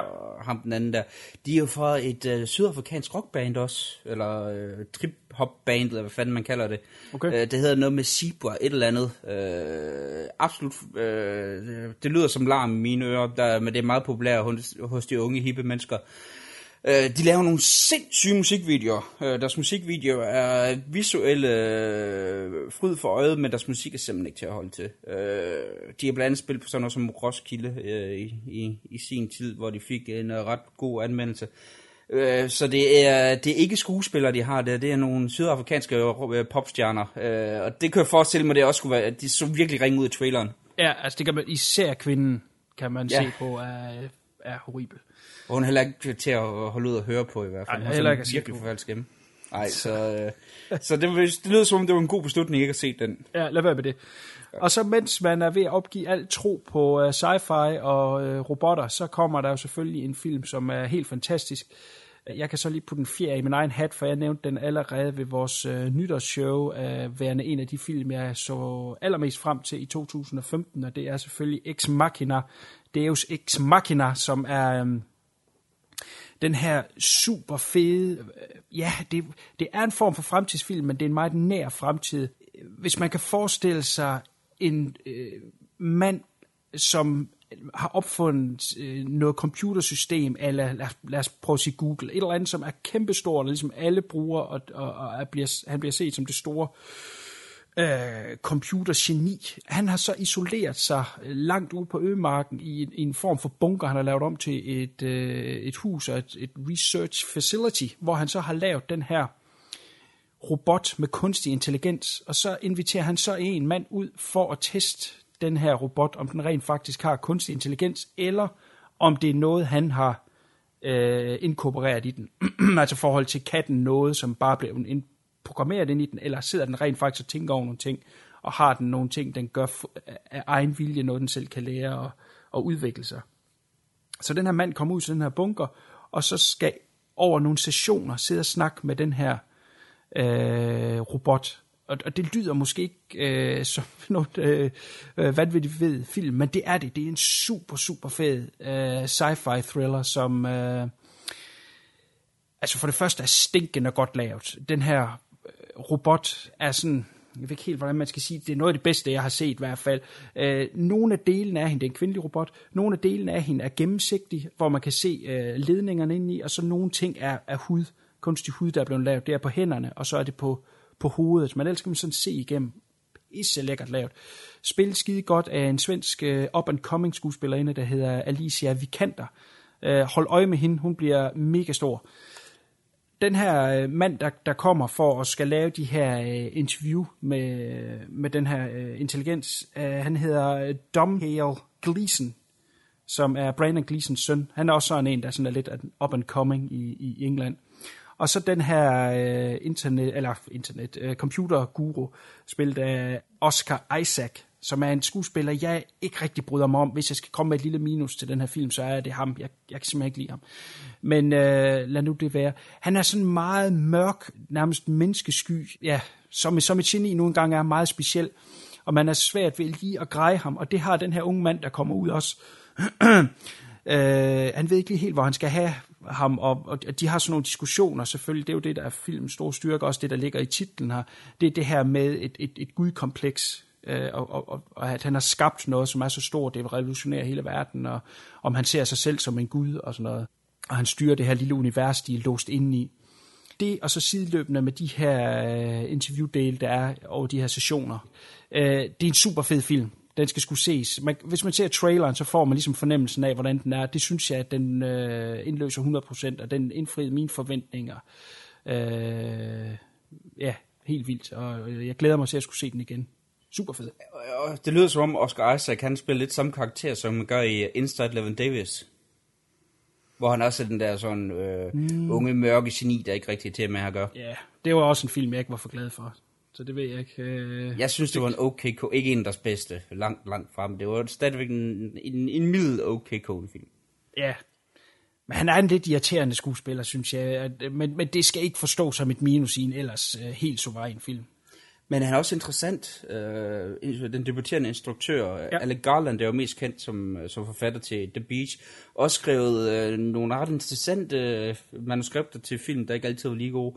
Øh, blandt andet, altså øh, 28 dage senere, husker jeg, som er en af de der okay zombie virus film. Øh, jeg er en af dem, som synes, at den der øh, anden sci-fi film, han lavede med Danny Boyle, åh, oh, hvad nu den hedder, den der med solskin. Sunshine. Sunshine, ja. Den hedder faktisk bare Sunshine. Den synes jeg, det var, øh, det var en intellektuel øh, fiasko. Den havde nogle rigtig gode idéer på en skriftplan. Jeg synes bare ikke, Danny Boyle, han fik det ud i filmen. Øh, men altså, det er en mand, der har nogle øh, rigtig fede idéer. Øh, Alec Garland, så... Øh, Deus Ex Machina, den er også helt klar på min øh, to-watch list. Altså, det er også ligesom Mag-idéen, dem jeg glæder mig til, når, øh, øh, når jeg engang får mine øh, beskidte fingre fat i den. Yes, do that. Godt. Hold kæft, det er en lang liste, jeg har. Godt. Øh, nu snakkede du om uh, Babadook, var en low-budget horrorfilm, som uh, uh, virkelig kunne noget. Der er kommet en ny en, som jeg vil uh, næsten sætte på samme højde, hvis ikke på samme højde. Den hedder It Follows, som er en... Uh, ja, hvad fanden skal man kalde den? Det er en horrorfilm, men den kører på et helt specielt, øh, en helt speciel måde. Den er meget slow. Den, er, den, sådan, den forklarer kun dele af det her univers, hvad det nu måtte være. Øh, og, og, og på den måde er man hele tiden i suspense. Jeg vil ikke forklare så meget i det, så, fordi det skal man skulle se undervejs, men jeg kan forklare lidt af scenen. Vi følger den her pige, som skal på date og så de skal i biografen, de står øh, i en biografkø, og så siger hun sådan, øh, hun plejer at lege sådan en leg, når hun øh, står i sådan en kø her, det er at vælge en person, og så skal den anden så gætte, hvem det er, man har valgt. Øh, og det siger han så, ja, det vil han godt være med til, og, og så har hun så tre gæt. Og hun kommer så med hendes tre gæt, og så ingen af dem er rigtige. De sidder så inde i biografsalen, der skal til at se filmen, og så siger hun så, hvem er det så, du har valgt? Og så vender han så om og siger, øh, hende der står deroppe i en gul kjole, og så siger hun, jeg kan ikke se nogen. Hvor, hvor siger du det hen? Så står han og peger op på en helt tom gang. Så siger han, hende der står i den gule kjole der. Det er hende, jeg valgte. Der står altså ikke noget, der prøver du at lave sjov, ikke? Og så med det samme går han bare i panik. Vi skal ud herfra nu, vi skal ud herfra nu. Hvor de så flygter væk, fortsætter daten så mere ned på jorden, og de ender med at have sex. Og så lige da de er færdige med det, så overfalder han hende. Og så binder han hende til en stol. Uh, hun vågner så op, og så er selvfølgelig i panik over, hvad der skal ske nu. Og så prøver han på så rolig måde, som man overhovedet kan, og så forklare hende, at han har altså givet hende noget videre, som han også har fået på nøjagtig samme måde. Og så kommer der en pige i en gul kjole gående hen imod dem. Og hun kan se pigen nu i den gule kjole, og så siger han, du kan godt flygte fra dem, men du skal altid løbe, for de kan kun gå. Du skal løbe, du skal løbe, du skal løbe, og den eneste måde, du kan slippe af med det her, det er ved at gå ud og være sammen med en anden og give det videre. Og det er, mere vil jeg sådan set ikke fortælle, fordi resten af filmen er bare den her flugt, hun konstant har. Men det er lavet på, på et eller andet, det lyder åndssvagt der, men det er lavet på en meget virkelig måde, hvor hun snakker med hendes veninder og hendes, øh, øh, med hendes søster. Altså det, og de prøver at tage på flugt, ikke? og de på en eller anden måde tror på hende og ikke tror på hende, og det udvikler sig så. Og, og finder man ud af, hvad det her det er, og, og det er lavet på en ultra fed måde. Det er sådan lidt en arthouse-agtig film pissefedt soundtrack, sådan lidt ala tidlig John Carpenter, meget synthesizer, tungt, lidt arthouse-agtig horror, super fed. Jeg vil sige, det er sammen med Babadook noget af det bedste horror, der er kommet inden for de sidste 10 år. Så tjek den ud. Den hedder It Follows. Den uh, gik, er gået hen og blev lidt uh, sleeper hit, kan vi vist godt kalde det i USA. Uh, ja. Det var sådan en af dem, der den tjente faktisk okay med penge i, uh, i forhold til budget, og den blev overhovedet ikke uh, markedsført, så vidt jeg husker. Det var noget med, at måden den tjente penge på, det var simpelthen word of mouth. Uh, og det er jo fantastisk, at du stadigvæk har en, en film, der kan tjene penge på det, i, uh, når du har de her mega budgetter her, hvor det jo tit så koster det mere at promovere en film, den uh, koster at lave. Altså det er jo helt vildt. Ja. Så uh, den, øh, det er ikke en af dem, jeg har på listen, et follows, men det lyder som om, at øh, jeg godt kan få den til. Det kan du sagtens. Og den kvindelige øh, hovedperson, hun spilles af øh, en, øh, som jeg også spår vil være en up and coming, der hedder Micah Monroe, som øh, har fået en af hovedrollerne i den nye ID42, så, øh, så hun er nok going places. Men hun er ret god her i, så hun har nok også skuespillerevner til at, at bakke det op. Lad os, lad os håbe det. Nu siger det så ID 4.2, øh, og det... Ja, bare hvis Smith ikke er med, så er det okay. Ja, men jeg vil også sige, hvis man kommer fra så lille en film som et Follows, og så til den her, så er der nok også en, en løncheck med, der kan lokke de Lad os fleste. håbe det. Altså, lad os da håbe, at uh, hun får en løncheck, så hun kan uh, have råd til at lave en, en film med mindre statur bagefter. Godt, men apropos store blockbusters. The Kingsman, The Secret Service. Hvad? Det glæder mig til at høre, hvad du synes om. Jamen, den synes jeg er pisseunderholdende. Altså igen, det er så, så slår man sgu hjernen lidt fra forhold til handling. Øh, så, skal man sgu bare underholdes. Og jeg synes, den er vanvittigt underholdende. Det bliver jeg nødt til at sige. Det, øh, den giver sgu bare gas øh, på alle pedaler. Det, det, den er jo sådan lidt, lidt James Bond, lidt øh, Man from Uncle, lidt øh, alle de her sådan noget engelsk spies film, som man har set så mange af, og den laver lidt grin med det, men den synes også, det er lidt cool, og, og, og bygger også selv lidt videre på det.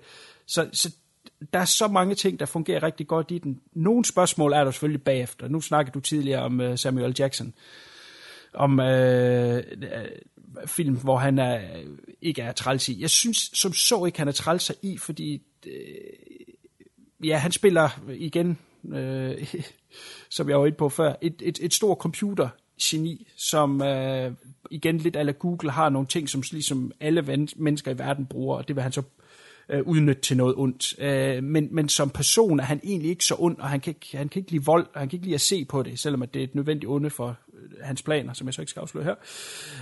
Øh, og han kan ikke lide at se blod og sådan noget, så, så han er sådan lidt en sjov, quirky karakter på den måde, men han har et træk, som simpelthen er mig uforståeligt, det er, at han læsper helt vildt. Åh oh, nej. Og det forstår oh. jeg altså ikke. Øh, så jeg vil sige, at han er egentlig ikke så træls i den her film, men anden det lesben der, det forstår jeg, det forstår jeg simpelthen ikke. Men altså ellers så er det en øh, agentfilm, som øh, man, man jo på den måde har set før. Den giver bare mere gas. Øh, den her unge mand bliver værvet ind i det her... Øh, eller han bliver ikke værvet ind i det, han, bliver, øh, han kommer til audition til at komme ind i det her øh, secret society, som hedder The Kingsman, som er et form for uafhængigt øh, øh spion agency. Øh, og der skal man igennem et træningsforløb, og der er så x antal, jeg kan ikke huske om det er 8 eller sådan noget, øh, unge kandidater, og der er så kun en, der kan få øh, øh, opgaven til sidst at være med i, øh, som, som sådan en, en special agent. Og øh, så en stor del af filmen er egentlig bare hans trænings øh, øh sessioner, hvor han kommer igennem alle de her opgaver, som han så skal løse. Og så ser, ser man så sideløbende den her store masterplan, som Samuel Jackson er ved at lave, og på et tidspunkt, da han så bliver stor nok trussel, jamen så skal de så sendes ud på den her øh, opgave og stoppe ham. Stor historie er der sådan set egentlig ikke i det, men, men den er super underholdende, meget visuel, og så er der en bestemt scene, når man har set filmen, så ved man, hvilken scene det er, jeg refererer til, som er en, en lang scene, hvor der dør utrolig mange mennesker, alle sammen på opfindsomme måder, øh, til tonerne af Freebird af Leonard Skinner. Oh ja. ja, super fedt lavet. Det er pissefedt. Om der kommer flere i den her serie, det ved jeg ikke. Det så jeg gerne, fordi den er, er i hvert fald underholdende, og den er, er sgu godkendt i min bog som en, øh, en god øh, popcornfilm. Så, så uh, toeren, den skulle være, være godkendt nu. Den skulle være green, uh, greenlighted. Den, uh, jeg har ikke selv set Kingsman endnu, men uh, dem, jeg, jeg, uh, jeg kender, der har, der har set den, de har det fuldstændig på samme måde som dig. At det er øh, en utrolig super underholdende film, som øh, også er på listen over film, jeg snart skal have set. Den skulle virkelig være, øh, som du selv er inde på, utrolig god poppunkmasker. Ja. Så øh, den, øh, den, den glæder jeg mig også ufattelig meget til. Så det er også rart at høre, at der er flere og flere, der, øh, der anbefaler den. Mm. Så glæder, jeg glæder mig sgu. Det, øh, det øh, og sådan Adam Sandler-film, det er jo det er helt galt. Så har jeg set en tor til en, øh, en film, jeg synes var okay. Den første, og så toren her er det værste tis, og der kommer åbenbart en træer. Og det er din gode ven Uwe Boll. Det er Rampage Capital Punishment. Jeg ved ikke, om du har set den. Det var nok Ja, det, jeg vil ikke flere Joe... Jeg har, hør her, jeg har set Joe Bold-film. Jeg har set 14 Joe Bold-film. Jeg behøver ikke se flere. Jeg har ligesom taget mine kugler for hånden. Altså, jeg har stået op ad muren og blevet beskudt af et Gatling maskingevær og fået alle kugler ind i min krop. Jeg behøver ikke flere Joe fucking fuld film. Nej, okay, godt. Fuck you, Bold! Fuck ham! Du behøver i hvert fald ikke at, at se den her. Altså, jeg, det, er jo, det er lidt underligt at sidde og sige, at en film er god, når det eneste, den handler om, er bare en mand, der går rundt og skyder folk, uden mening overhovedet. Øh, den første, altså, jeg synes, den var okay. Altså, den, det, det var ikke en, jeg ville hverken recommend eller skræmme folk væk fra sig. Altså, i hans verden, så er det en, en, et mesterværk. Alle andre instruktører, så er det været lort. Altså, det Ja, siger altså, der noget, er ikke som så rigtig noget i den, og så er der et lille twist til sidst i, at det hele er bare været for os, at han kunne røve nogle penge. Er det ikke sådan, det er? Nej, jeg mener, ja, så vidt jeg husker det, så er det virkelig bare, at det handler om nihilisme. Ja, men, men laver han ikke også et kup, og så, så, giver han, øh, så sætter han en anden op til at tage skylden, hans ven til at tage skylden, Det kan godt være. som han skyder ud i Det, skoven. øh, Det, jeg kan knap nok huske det. Men, men de har så fundet ud af, at de kunne lave det om til øh, et eller andet franchise. Så øh, stik imod, hvad jeg husker i hvert fald, så øh, ved de lige pludselig, at det er ham, der har stået bag den massakre. Og der er så gået x antal år, nok lige så mange år, som der er gået siden etteren kom.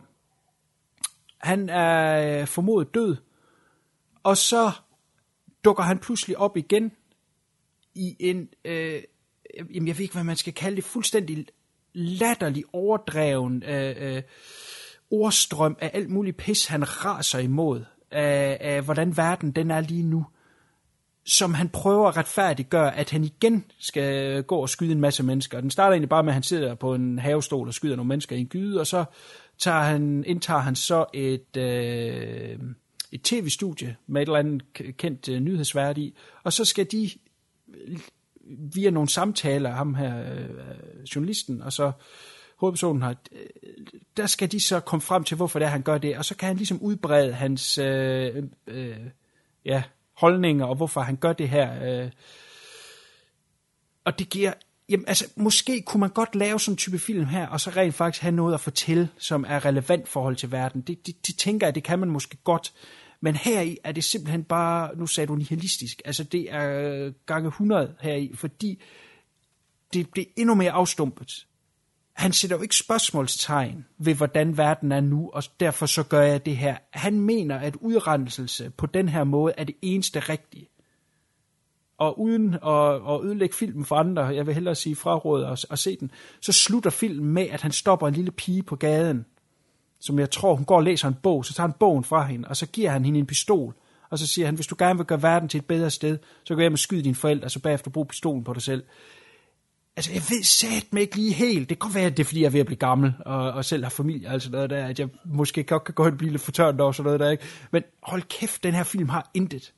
Altså, den, den prøver måske at pakke sig ind under at have nogle ting, som den gerne vil fortælle, men det er der altså ikke. Og hvis der er nogen, der prøver at sige, at det har den, og så har man misforstået den, hvis man ikke har fanget det, jamen, det er fordi, de læser for meget ind i det. Der er simpelthen ikke noget i den. Og der kommer kraftedeme over en træer, hvor han så skal udskyde mennesker. Det er øh, usmageligt, vil jeg sige. Det, det er not. Så, Jamen, det er jo den der nihilist... Altså, Jubal, han laver to typer film. Han laver de der øh, baseret på computerspil, og så laver han de der dybt nihilistiske, modbydelige film, der bare handler om at forarve og provokere. Ja. Øh, noget af det, du måske, det lyder som om, du øh, savner i den, jeg har ikke selv givet set den, den der hedder Attack on Wall Street, hvor det handler om øh, den her tidligere børshandler, som åbenbart mister hans familie på en eller anden måde på grund af børskrakken. Øh, der er en, øh, en minikult på nettet, der, der snakker om, at øh, den skulle have nogle af de der ting, øh, du savner med relevant samfundskritik, og så noget, man skulle også bare ind med, at han står uskyldig ihjel. Og det er også bare, ja, jeg, ja fuck you, ball. Fuck ham, fuck ham, fuck ham, fuck ham. Gratis. Altså, hør, seriøst, der var en gang, hvor han øh, sagde til alle hans kritikere, at han kunne sætte sig op til en, til en boksekamp. Hør, hør, you ball, hvis du hører det her, jeg, den boksekamp, jeg er klar. Altså, du vil nok få bank, fordi det er noget med, at han er tidligere bokser. Jeg er ligeglad. Om, om, jeg, om jeg så bare har mulighed bare for at ramme ham en gang. Jeg kan godt være, han slår mig ihjel bagefter, men jeg vil bare have det. Altså, jeg fatter ikke, hvordan han kan lave så fucking dårlige film, og så stadigvæk tjene penge. Jamen, han, brrr. altså, hør her, han er en af de der typer mennesker, der gør, jeg håbe på, at jeg var troende og troede på, at det var, der hed helvede. Lige før jeg lyst til at blive religiøs. Jesus, vi må hellere lade Ove Bolle ligge der øh, indtil videre Ja. i hvert fald. Indtil vi får set træerne. Godt, jeg øh, ramser lige hurtigt igennem øh, den her uges øh, Liam Neeson-film, som er Run All Night. Så vi har været forbi Jeg, jeg, elsker, jeg elsker den der replik, der er denne uges Liam Neeson-film. Det er ikke engang løgn. Altså, det er helt vildt, og de minder kraftedeme med alle sammen om hinanden. Altså, der er Det er, små... den samme, det er jo den samme Taken-kopi, han har begyndt at lave. Det er bare lige et spørgsmål, om det foregår om natten, eller det er oppe i et fly. Altså, det er jo det er Ah, men ligegyldigt. det, jeg forstår det altså ikke helt. Ganske kort handling. Han er en tidligere håndlanger for mafiaen, som du er, er stærkt alkoholisk, og der er ikke rigtig nogen, der tager ham seriøst. Han har en søn, som ikke gider ham på grund af hans øh, kriminelle fortid. Der er en politimand, der jager ham for alle de mor, han har lavet, men ikke rigtig kan finde noget, der, der, der hænger på ham. Og så har han hans, øh, hans ven op igennem det her øh, tid, hvor de har været... Øh, de har opbygget det her imperium, som så er ligesom er blevet chefen for det hele, spillet af Ed Harris, som har, prøver at lave den her organisation lovlig. Oh, Ed Harris det er da har, bare et plot, man hørt tusind gange før. ja, Ed Harris har en søn, som øh, gerne vil have en del af, af det her imperium, og det vil han via øh, narkosalg, og har så lovet nogle øh, øh, ja, usle typer, at øh, de kan bruge farens netværk til det. Det vil faren selvfølgelig intet have med at gøre, som putter, øh, som putter øh, sønnen i, en- i, en, i en værre situation, og, og bliver nødt til at, øh, at gribe til våben. I en likvidering, som øh, Liam Neesons søn ser, han er, øh, hvad hedder det, chauffør, øh, limousine, limousine chauffør, det kunne jeg knap nok finde ud af at sige. Øh, og han ser så den her likvidering, og så er det så, at, øh, at der går en jagt ind på ham, for han er et vidne. Det kommer Liam Neeson for næsen, og øh, han ender så med at skyde et Harris' søn, altså chefens søn. Og så siger chefen, okay, hver gang jeg er ude, they pull me back in, som man siger i Godfather 3, så er han lige pludselig igen en crime lord, som sender øh, alle hans folk ud for at slå Liam Neeson og hans øh, søn ihjel. Og det er så se i filmen, og de skal så overleve igennem natten. Run all night. Mere er der ikke i den. Ja, jeg må indrømme, at uh, den næste Liam Neeson-film, jeg ser, nok går i sidste, Det er det inden sidste. Han begynder at lave, inden han begynder at lave nogle andre. Det bliver den, der hedder Walk Among the Tombstones, fordi jeg godt kunne lide uh, bøgerne. Ej, den er øh, god, skrevet. Det er, den ene, det, det er kun en alene, fordi jeg godt kunne lide bøgerne af Lawrence Block, at, uh, at jeg kunne finde på at, at se den, og for at se, jamen, hvordan det her ultra øh, voldelige miljø, den skildrer den bog, hvordan det bliver i, i, i filmen. Men derudover, så må jeg også sige, jeg, jeg er meget færdig med Liam Neeson actionfilm. Ja. Oh, det er ligesom, øh, det er noget, der hedder zombiet ud. Hvad kalder man det her? Nissan ud, altså, øh, det, nej, det, jeg kan ikke mere. Kuno, jeg, vil, jeg kan ikke mere, ikke mere Nissan. Ikke Ej, men det er også ved at, han er jo ved at have sin egen øh, kategori, når man går ind på, øh, på streaming-sider og sådan noget der. Så kan man vælge actionfilm, eller man kan vælge øh, Liam Neeson. Nå, okay. Jamen, ikke, ikke, oh, stop nu. Stop. Liam, Liam hold, hold, gå, gå tilbage til at lave en, en enkelt uh, Michael Collins film om året, som du gjorde en gang. Shit, lad være med at være så produktiv. Tempo ned. Jamen, Vi det- kan ikke følge med. Jeg vil altså. sige, at den her havde jo på mange måder faktisk muligheden for lige at blive en tand bedre end det andet. Selvfølgelig fordi, at de har et Harris med, og det, man kunne godt forestille sig, at de to kunne have nogle store scener med. Han har slået hans søn ihjel, og, så mød, og de, har- der er også en scene, hvor de mødes ind på sådan en café, og at Harris siger, at han vil jagte ham og hans søn, men han vil sørge for, at sønnen dør først, så han som far kan nå at mærke smerten af at have mistet en søn. Ikke? Men, men der er bare ikke nok gnister til, at det kan blive stort.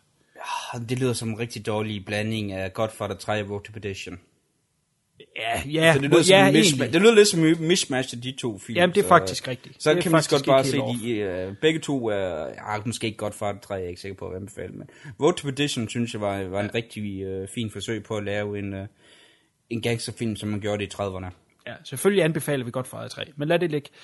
Den foregår i New York, og hvis man ikke er vanvittigt kendt i New York, altså forhold til forsteder i forhold til hinanden, altså noget, så har den en ting, jeg ved ikke, om jeg kan lide det, eller ej, det kan godt være, det bliver for meget, men kameraet er, hvis de er nede på øh, et, et gadehjørne, downtown, og så skal vi over til noget uden for byen. Så kører kameraet simpelthen op hurtigt, og så flyver hen over byen, og så ned til det næste hus, eller hvor fanden det nu kan foregå. Jeg vil sige, på, på, på nogle steder, så virker det faktisk meget godt, fordi man får lidt, øh, ja for det første geografien på plads, man får også lidt af, af afstanden, men jeg ved ikke, om det bliver for mig til sidst, eller om det er for flashy som så, for det selv film er egentlig ikke så flashy skudt. Øh, men det der er selvfølgelig meget flashy og fremtidsagtigt. Kan du huske, hvad, hvad instruktøren hedder? Det, ja, det er ikke fordi, det er vigtigt, men det var bare... Nej, øh... det er pas. Så. Pas, Okay. pas. Mere, mere hang den ikke fast end det. Men øh, ja, vi kommer jo nok tilbage snart med en ny lige om lidt. Godt, så bliver det dig, det er en lang uh, svag, jeg har. Jeg slutter af med to dokumentarfilm, og så skal jeg nok uh, tige stille. Den første er meget interessant, især for folk, der er meget glade for 80'er film. Den hedder Go-Go Boys, The Inside Story of Canon Films, som er en dokumentarfilm om uh, de her to uh, meget skøre personligheder fra uh, Øh, Israel, som, som satte sig for at øh, revolutionere og styre actionfilm op igennem 80. Altså, jeg ved ikke, om de satte sig for det, men det endte de i hvert fald med. Filmen øh, følger simpelthen øh, det her imperium, de fik opbygget, og de her gnister, der står mellem de her to personer, som var meget, meget, meget forskellige, som øh, jo også ender med, at, at det hele er ligesom kollapser under dem. Og øh, jeg kan ikke huske, hvem af dem, men der er en af dem, der, der, der døde i 2014, hvor den her film er fra. Så de har lige nået at, at lave den her film, inden han døde. Jeg tror, det var Golan, der døde, men jeg er ikke sikker. Jeg mener, Nej, ja, det ved jeg heller ikke, hvorfor jeg pludselig er i tvivl om nu. Men ja, ski med det. Det, det er det er ikke fordi det er revolutionerende stor dokumentarfilm, som fuldstændig blæser en væk, men altså igen er vi tilbage ved den her nostalgifaktor. Hvis man synes, at det var et sejt, ikke, som vi har snakket om tit, når man ser det her logo, de her, øh, øh, det her C, der sådan flyver ud med en i, i, i, i sådan nogle stykker, øh, er jo klassisk, og, og det giver et eller andet specielt feel, når man ser det. Så er den sjov at se, men, men hvis man ikke kender noget til, øh, til Canon, og, og man ikke rigtig bryder sig om de film i forvejen, altså gamle Chuck Norris film og Ninja film og øh, Bloodsport, og jeg ved kraftedeme ikke hvad, jamen så skal man måske lige hoppe den over. Så, altså, Jeg sidder med verdens største smil, men hvis nogen nævner Ja, Canon, sikkert. så sidder jeg bare og smiler og tænker, mm, Michael Dudikoff, men det er nok bare mig. ja. Jamen det er ja, helt sikkert uh, gammel Durdikoff og sådan noget. Den er sgu værd at se for, for det. Uh, det er en sjov lille ting. Er, det, er, den, øh, er den kommet ud på øh, DVD og sådan noget? Øh, Den for- kan, ja, men ved du hvad, det er jo fordi, at jeg fik uh, sådan et, uh, en rabatkupon til uh, Blockbuster, som jo nu er blevet en streaming. Er den på... er- Okay, jamen så skal jeg da ind på Blockbuster. Der kan man lege den ind til 40 kroner. Uh, jeg fik den jo så gratis. Fungerer det der nye Blockbuster? Øh, nu, nu, nu diskuterer vi noget helt andet. Ja. Det der Blockbuster, jeg har, jeg har overvejet det. Mm. Jeg har fået at vide nogen, der bruger det faktisk med rigtig god kvalitet. Ja, Jeg er, ikke, jeg er ikke selv sprang på det endnu. Nej, men det er, altså som sagt, øh, jeg fik sådan en rabatkupon, som, som kunne udløse et par film, og børnene, de satte sig på et par, og så ville jeg have øh, den, der tilfældigvis faldt over. Jeg har nemlig ikke hørt om den her. men, men den stod der, og tænkte, det er jo simpelthen for sjovt øh, under nyheder. Så, så, jamen, jeg ved sgu ikke, øh, altså man skal jo så betale per film, ikke? Øh, når jeg har brugt den her rabatkode her, jamen, så ved jeg ikke, øh, om det er noget, jeg på den måde går tilbage til. Men ellers så virker det sgu fint nok. Hvad for et program bruger den til? øh? Åh, shit. Okay, jeg, jeg er ked af, at det bliver fuldstændig teknisk nu til, til lyttere derude. Det bliver lidt nørd nu. Jamen, det, det er bare fordi, det er sådan, øh, der er nogle af de der programmer der, der, er- der kører helvede til nemlig, så det er lige det, inden man øh, giver sig i gang. Altså, fordi det der med, at hvis man leger en film, så du hverken kan spole frem og tilbage, fordi at det ikke fungerer, øh, afspilningsprogrammet, ja. så, så vil jeg sgu ikke øh, bruge 20 kroner på en film, hvis det er et helvede at komme igennem. Nej, selvfølgelig ikke. Jeg kan simpelthen ikke huske, hvad det hed. Det var noget, jeg ikke havde i forvejen, som jeg skulle installere, men lige nu der er det godt nok væk, det navn der. Øh, Jeg prøvede ikke hverken at pause eller spole. Jeg trykkede Okay. bare start, og der virkede det. Okay, godt. Så, så længe det bare kan det, uden det går ned og hjem, så er det allerede en begyndelse. Ja, det er et skridt på vejen i hvert fald. Godt. Den sidste øh, dokumentarfilm her, den øh, er vanvittigt interessant, og øh, hvis man interesserer sig for det selvfølgelig, skide godt lavet. Den hedder Going Clear, Scientology and the Prison of Belief. Der er lavet mange øh, dokumentarfilm omkring øh, Scientology, som er sådan i variabel kvalitet. Jeg så en for nogle år siden, som var produceret af BBC, som jeg synes var rigtig god. Øh, det er jo sådan lidt, øh, det er selvfølgelig klart, vi vores referencer er sådan noget som Tom Cruise og øh, John Travolta og, øh, jeg ved den sidste. Den der forfærdelige sci-fi film. Øh, Ja, ja, selvfølgelig, men- Battlefield men- Earth, for eksempel. det, det, er, det er ligesom de stjerner, vi kender, og det er derfor, jeg tit går og tænker ikke, for eksempel, fordi jeg, jeg taler tit positivt om Tom Cruise som altså hans filmkarriere, ikke? Men man kan ikke lade være med at tænke, hvad fanden er det, der er gået galt? Altså, hvorfor er det, at han tror på det her sindssyge noget, og hvad, hvad, hvad er det reelt set? Så derfor har jeg lidt en interesse inden for det her. Jeg så som sagt den her BBC, øh, jeg kan ikke lige huske, hvad den hedder, øh, øh BBC-dokumentar, som kom for nogle år siden, som var meget interessant, fordi øh, den her journalist blev selv altså han blev selv jagtet af Scientology. De har sådan et anti, øh, hvad hedder sådan noget, smede kampagne, korps, som bliver sendt ud, når nogen prøver at lave en dokumentarfilm omkring Scientology, så går der simpelthen sådan en korps ud, og øh, laver så meget problemer for dem, der skal lave den, og prøver at provokere dem. Så den her engelske journalist var ude og lave nogle interviews med tidligere øh, medlemmer, så kom der hele tiden en bil lige efter med et kamera hold ud, og stod og filmede dem film det interview, og så skulle stille spørgsmål. Hvorfor er det, I prøver at, øh, og svine os til, og hvorfor er det, I prøver at jagte os og alt sådan noget der. Indtil at den her journalist så fik et, øh, altså et meltdown og, og gik til angreb på dem, og det fik de så på video, og det er jo det, de ville have. Så kunne de smide det på nettet og komme med en smidig kampagne omkring den her journalist, som har et vendetta mod Scientology. Ikke? Altså det er det her fuldstændig umulige system, man, man fik ud af det at se den her dokumentar. Øh, men han fik ikke lov til at tale med nogle af de store stjerner, og han fik, de skulle bestemme, hvad for nogle spørgsmål han måtte stille, eller i hvert fald, hvad de her stjerner måtte svare på. Og når jeg siger stjerner, så er det gåsøjne, for det er sådan noget som Leah Remini, for eksempel, fra øh, Kongen af Queens og sådan noget. Det er jo sådan lidt, ikke så store stjerner, det var ikke lige dem, man gad at høre fra, som så. Men så der ikke engang Kirstie Allen. Var Kirstie Allen med? Det kan jeg sgu ikke engang huske. Ja, det Jamen, kan hun, godt hun, har været, hun, har, hun har i hvert fald været Scientology på et tidspunkt. Nå jo, men det er ganske givet. Det er jo, helt, det er jo meget chokerende, hvor mange der rent faktisk er med i det så er der kommet det her nye program, og det er super fedt, fordi det får det hele med. Og når jeg mener det hele, så mener jeg, man har interview med den journalist i gåsøjne fra Scientology, der var ude og øh, genere de optagelser i den engelske dokumentar.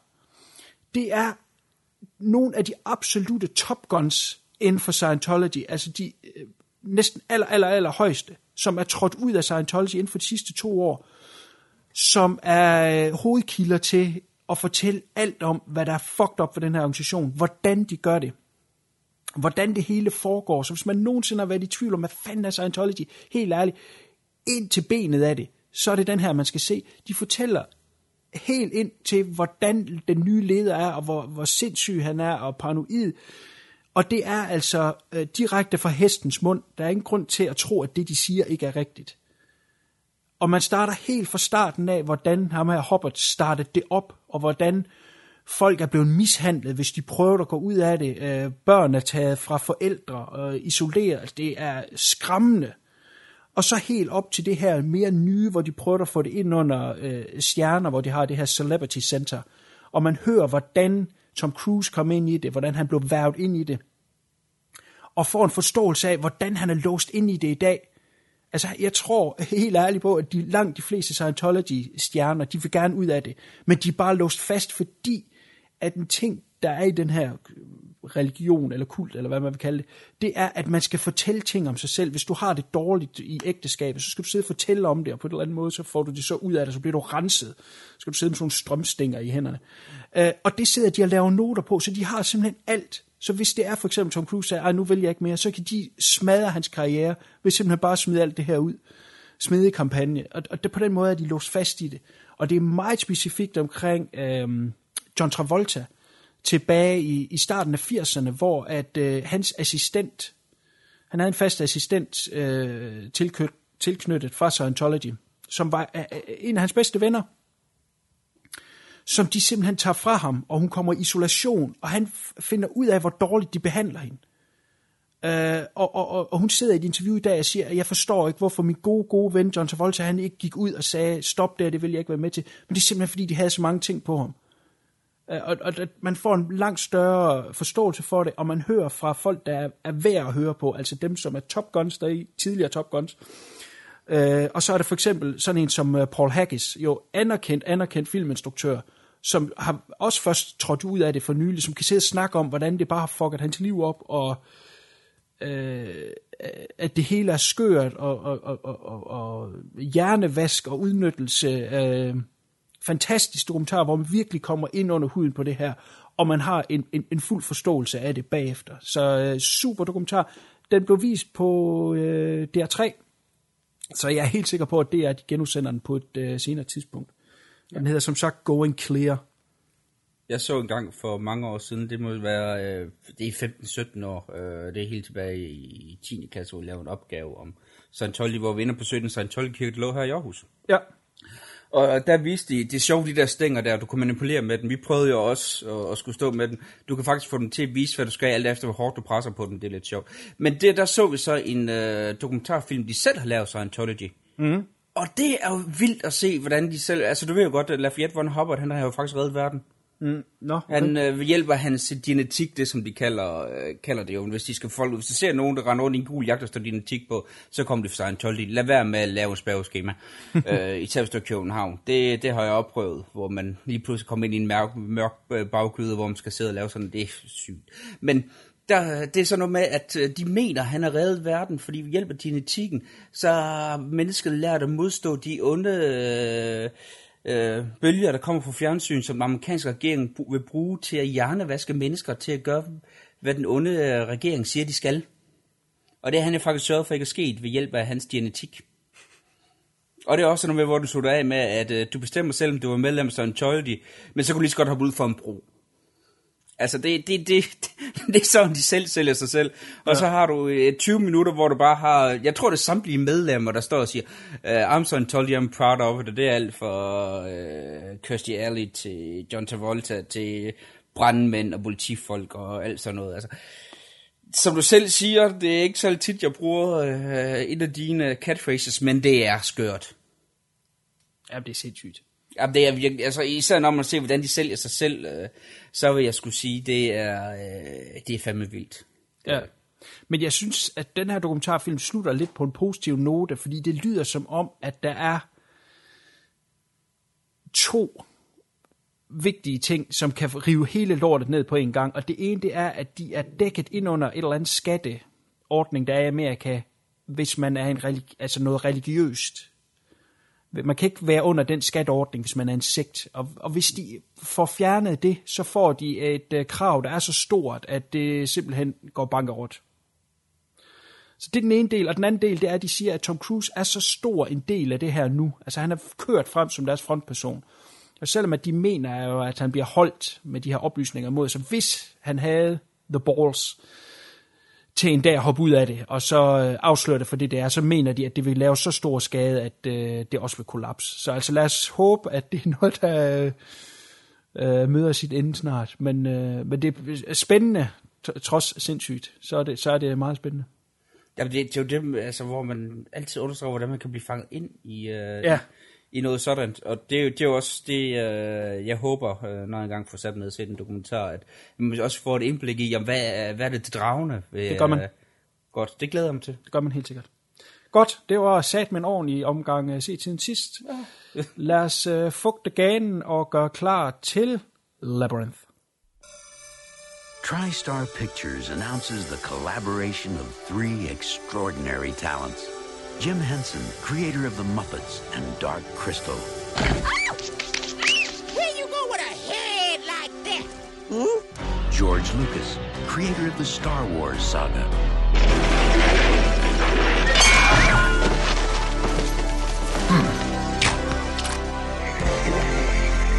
And one of the most innovative forces in modern entertainment, David Bowie.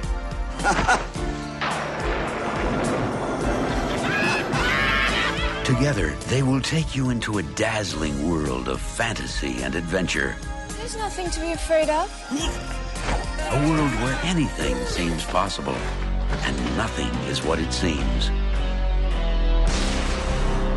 Everything I've done, I've done for you. I move the stars for no one. Yeah.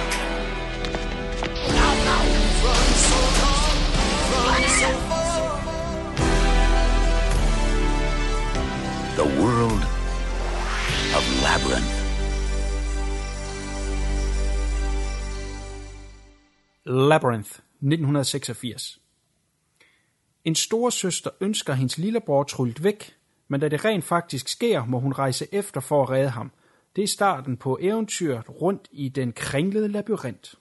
C-Case, da vi i tidernes morgen snakkede om at lave øh, det her podcast, ikke den her øh, episode, men helt tilbage, da vi skulle finde ud af, om vi ville lave view review, der sagde du som en af de første, at du ville lave labyrinten. Øh, jeg har stået lidt imod, men øh, måtte jo give mig til sidst. Øh, du må have stor kærlighed til den her film. Fortæl lidt om Jamen, din det, det har jeg også. Øh, Jeg startede jo med her og, og sige uh, Remind of the babe, og så havde jeg jo håbet på, at der kom hele smøren. What babe? The babe with the power. What power? The power. Who do you do? What remind of the babe? Øh, Øh, Jeg har, øh, hvis jeg har nogle venner, hvis jeg ikke har set dem i lang tid, så lige pludselig så får jeg en besked, hvor det bare siger, you mind, uh, øh, you remind me the babe, og så kører den jo øh, ud, og så når vi så når til det sidste, jamen så kommer vi så med, ja, hvordan går det? Øh, så øh, det er, det er en film, der, øh, der betyder meget for mig, det er også... Øh, øh, de fleste i bekendtskabskreds er også blevet tvunget til at se. Jeg har slået hånden af en fætter og kusine, fordi de hellere vil se Harry Potter. Det blev ikke taget med... Øh, ja, det kan ikke være mit blod. Nægt, nægter jeg tro på. Altså, det er simpelthen... Det er varmt. Harry Potter frem for Labyrinth, om de kraftede kommer ind i kampen. Unge mennesker nu til dags, det er op ad bakke. Ja, det er en af mine absolut øh, yndlingsfilm, også en af de mest øh, nostalgiske film, jeg, jeg har. Så når Kuno han begynder at snakke øh, negativt om den, og der er nogle ting i den her film, selv jeg må indrømme, øh, øh, øh, måske godt kan, kan kritiseres, så vi nok høre en lyd af skærende tænder. Øh, det må I så bare tage med, men, men, men sådan er det jo. Det, øh, det kan godt blive lidt øh, baggrundsløg, øh, løg, baggrundsløg, baggrundslarm hedder det. Og det kommer så nok til at skyldes min utilfredshed, når der kommer kritik af den her film, men det kan da ikke undgå. Der er et par ting, man godt kan tage fat i der. Det er sværere for mig. Ja, øh, Kuno, lad os starte med at høre, hvad synes du om den? Det frygter lidt, det her. Jamen, jeg vil øh, starte tilbage i øh, tidens morgen. Øh, det her, det var en film, jeg så i, øh, i biografen i dens originale run, sammen med øh, en af vores tidligere øh, medværter, Dan Dönigt. Og øh, det, var, det var en ret stor opsat film dengang, og det var, den skulle man bare ind og se. Og øh, har rigtig gode, øh, altså rigtig god... Øh, det er en, jeg har ikke set den siden, lad mig sige det på den måde. Jeg har ikke set den siden, før vi skulle se den til det her cast, og det er fordi, jeg husker den som værende rigtig god, men jeg havde bange anelser om, at jeg var ikke sikker på, at den ville holde, og derfor så tænkte jeg, så er det sgu nok bedre bare at have den, øh, øh, at huske det som, altså have det, som man huskede, og så, øh, så vil man i hvert fald ikke blive skuffet. Altså, der er jo nogle gange, hvor man tager noget frem, som man synes var vildt fedt for 20 år siden, eller 30 år siden, og så når man ser det igen, så bare, oh my god, det skulle jeg vist aldrig have gjort. Øh, og, og det havde jeg lidt på fornemmelsen med den her film. Og øh, jeg er nok landet et mellemsted, vil jeg sige. Øh, jeg er et øh, nostalgivæsen, det har jeg nævnt mange gange før. Og, og, og det kan komme næsten som sådan et high, når man ser noget, som man kan huske fra gamle dage, enten at man har glemt, hvor godt det var, eller hvad fanden det nu måtte være, så får man det her nostalgi-rush. Uh, og det havde jeg ikke helt med den her, men jeg havde noget genkendelsesglæde alligevel. Og så samtidig også var der nogle ting, som var lidt på den negative side. Så uh, altså, øh, uh, mellem stadiet, vil jeg sige, den er på. Den er både god og dårlig som oplevelse. Ja, lad, lad os tage det som det kommer. Jeg kan ja. sige det på den her måde. Altså, den er jo lavet af øhm, Jim Henson, som også lavede Dark Crystal. Og øh, den husker jeg nemlig også som værende rigtig god, og den så jeg for en, en 10 års tid siden, og der, der, der synes jeg virkelig, det var noget... Ja, den, den var jeg altså simpelthen vokset fra, eller... Lad, lad, os, lad, lad os tage Dark Crystal nu. Okay, godt. lad, lad, lad os få det overstået. Lad os, lad os Og det var det, jeg var bange for ville ske med den her, og det er egentlig derfor, at jeg øh, har øh, i, i godsøjne undgå den alle de her år. Jeg kan, jeg kan huske øh, for mange år siden, hvor de viste øh, labyrinten i, øh, i fjernsynet, hvor der så også var den her dokumentar først om Jim Henson. Det må have været i 91, 92, så lige efter han var død i hvert fald, han døde i 90. Øh, og øh, der kan jeg huske, jeg, øh, jeg sad og så den her dokumentar her, jeg må have været 11-12 år, og øh, der snakker de så om The Dark Crystal, og de fortæller om, hvordan at, øh, det var hans hjertebarn jo, at hvordan han viste den her øh, film til øh, en hel øh, hvad hedder det, bestyrelsesrum af de her øh, big executives, og efter filmen blev der ikke sagt et ord, de gik bare ud af, gik bare ud af mødelokalet, og han sad bare tilbage, der tilbage fuldstændig knust. Og der sad jeg jo så og tænkte, ej, hvor var det synd for ham. Jeg elskede jo Muppets, så det har jeg vist sagt mange gange. Muppets, det er jo lige mig, og også Labyrinth, så det er jo virkelig bare, jeg sad bare og tænkte, ej, hvor var det synd for ham. Indtil jeg så mange, mange år senere fik set Dark Crystal, og hvor jeg jo så var nødt til at indrømme, at jeg godt forstod, hvorfor de gik ud af bestyrelsesmødet uden at sige noget.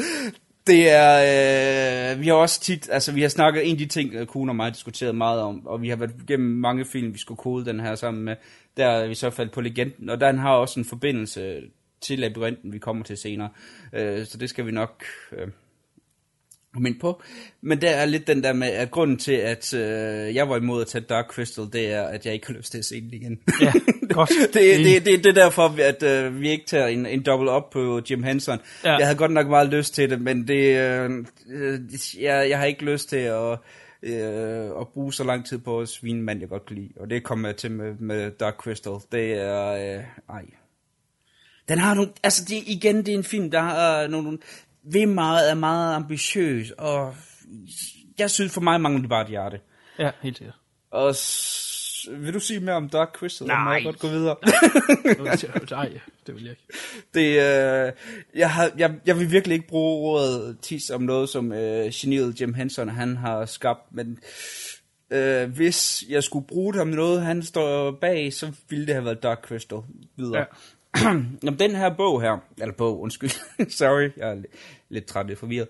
Øh, ideen til den, den kom jo faktisk, hvor at Jim Henson og Brian Ford, øh, der er en koncept øh, artist, som jo øh, har lavet nogle af figurerne øh, bag øh, Dark Crystal, de sad efter en screening, og så brainstormede de, de lidt om en ny film, og så snakkede Brian Ford om, de kunne lave noget om nogle goblins, der kidnappede et barn, og viste han jo så øh, den her, øh, øh, de her sketches til Hanson, og så med det samme begyndte jo så at lave den her film, og han fik jo så fat i en øh, børnebogsforfatter, Dennis Lee, til at øh, skulle hjælpe sig med at skrive den. Han skrev en, en lille øh, novella øh, øh, til at, øh, og ligesom at præsentere den her verden her.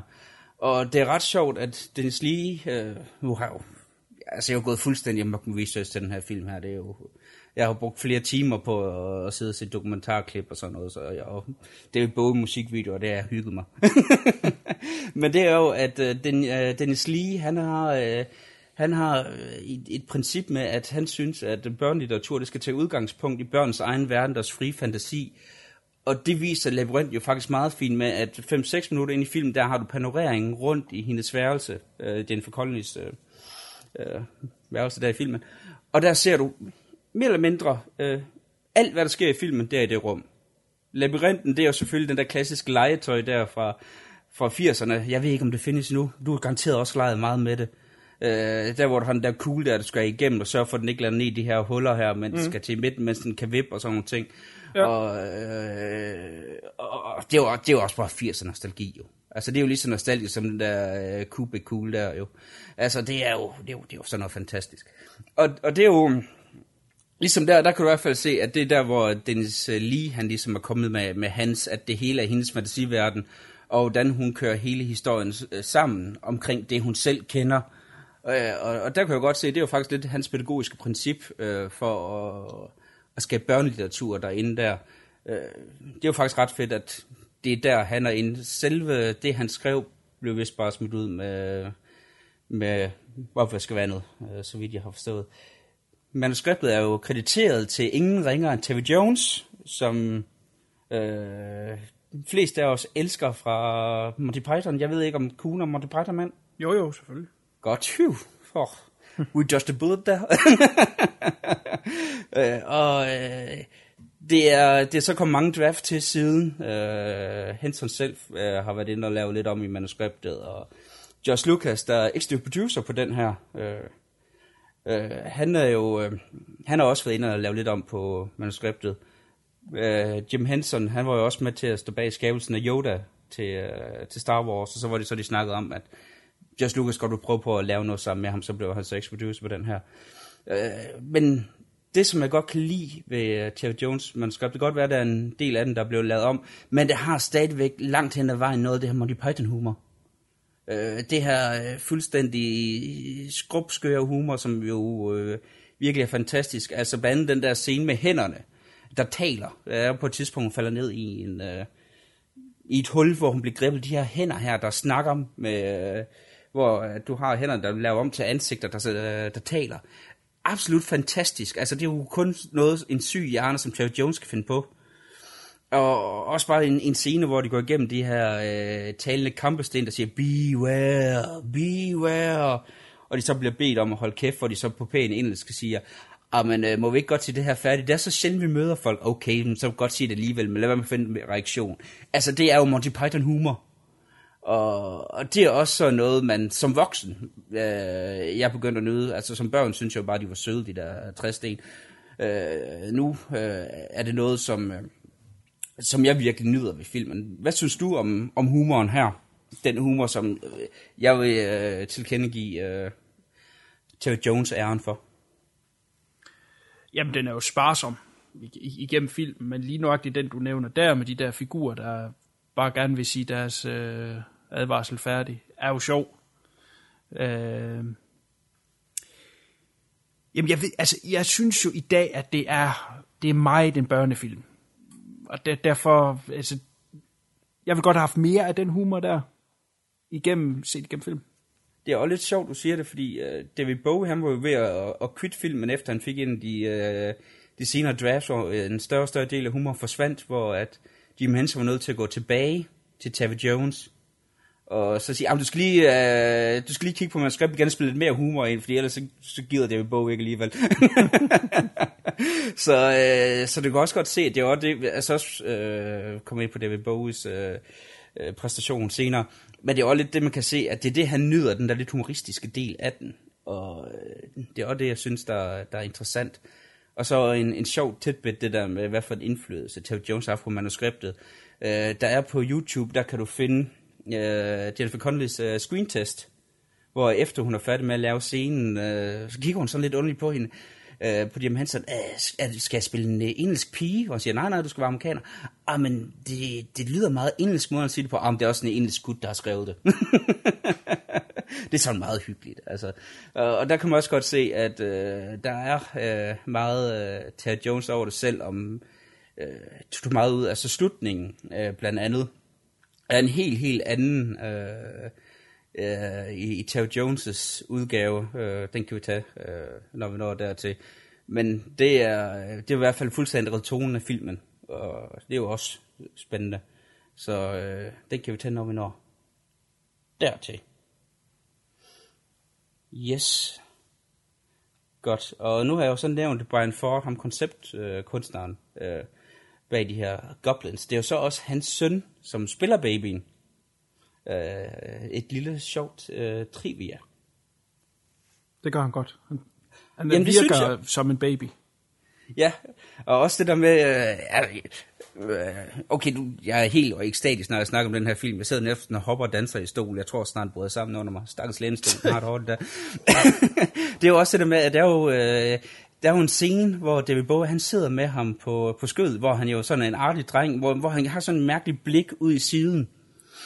Det, øh, det hører så til, at, øh, at Toby der, som øh, knægten hedder, han havde bare tudet i nok ikke flere timer, men i hvert fald meget lang tid, indtil at det så var en af teknikerne, der havde sådan en lille hånddukke. Så øh, det, øh, Toby sidder og kigger på, det er, at øh, David Bowie, han sidder med den her hånddukker, han bruger til at, øh, at lege med, øh, med hånden, så at, øh, at babyen ikke skal græde, og det er derfor, han ser, den ser så ud, det er fordi, han sidder og leger med hånddukker.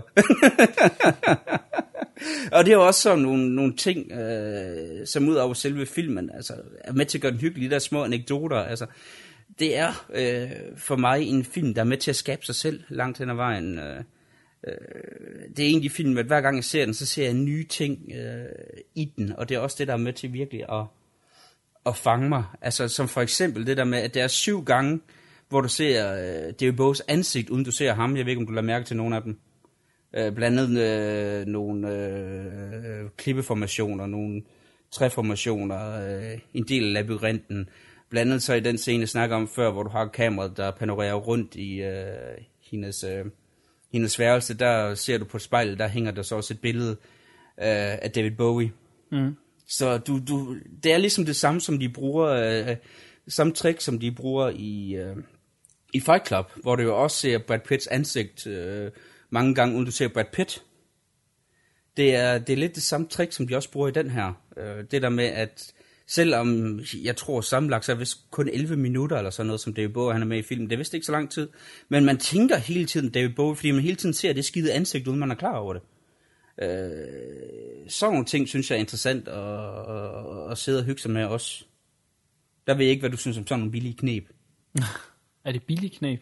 Det ved jeg, det er, ja, så det fungerer jo, så det er nok Ja, ja, det er knep, men altså, men det er sådan noget, altså sådan noget, at, at de virkelig har, har følt så meget for den her film, altså de har jo virkelig kælet for hver evig eneste detalje i den her film her. Og øh, der ved jeg ikke, hvad du, øh, hvad du synes om, om sådan noget, om det er med til at, at øh, til lidt op for filmen, eller at det er måske bare ligegyldigt. Jamen, øh, det, er jo, det er jo noget, man først fanger ved gentagende viewings. Så Ja. for en, der er så solgt på den som dig, så er det jo fantastisk. Øh, jeg har fanget noget af det. Nu, du sagde et antal, jeg kan ikke huske, hvad du sagde, syv gange eller sådan noget, inden man ser ham. Der har jeg, der har jeg kun fanget øh, den på spejlet. Øh, så, øh, men, men det er da kun, det er da fedt. Det er da fedt, når man øh, altså gentagende viewings kan give en noget øh, nyt hver gang. Så det er da helt klart stor fordel. af.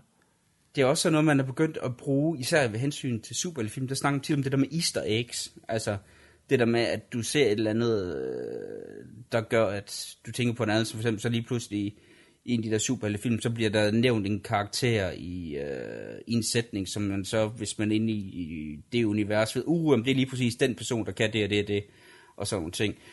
Øh, det er også ret sjovt at se, øh, at man også brugte lidt samme trick i, øh, i 80'erne, også man nok altid brugt det i, øh, i film, men det er ret sjovt sådan selv at lægge mærke til det. Mm. Og selv også igen det, jeg siger med, at grunden til for mig, det her det er en stor film, det er jeg selv med til at skabe historien. Det er lidt ligesom for eksempel, når andre de ser Rocky Horror Picture Show, og selv er med til at kaste med ris og skyde med vandpistoler og alt det der. Jeg har det lidt på samme måde øh, ved mig, øh, når jeg ser den her. Øh, det er øh, historieskabende. En film, jeg selv er en del af, hvis du forstår, hvad jeg mener. Den der totalt nostalgiske følelse, som jeg plejer at klandre dig for at have. ja. Bare høre vores uh, Lady in White uh, episode. ja, skal vi ikke snakke mere om den? uh, lad os springe direkte hen til David Bowie, når vi lige vil snakke om hans uh, syv ansigter. Jeg synes, han er fantastisk i den her.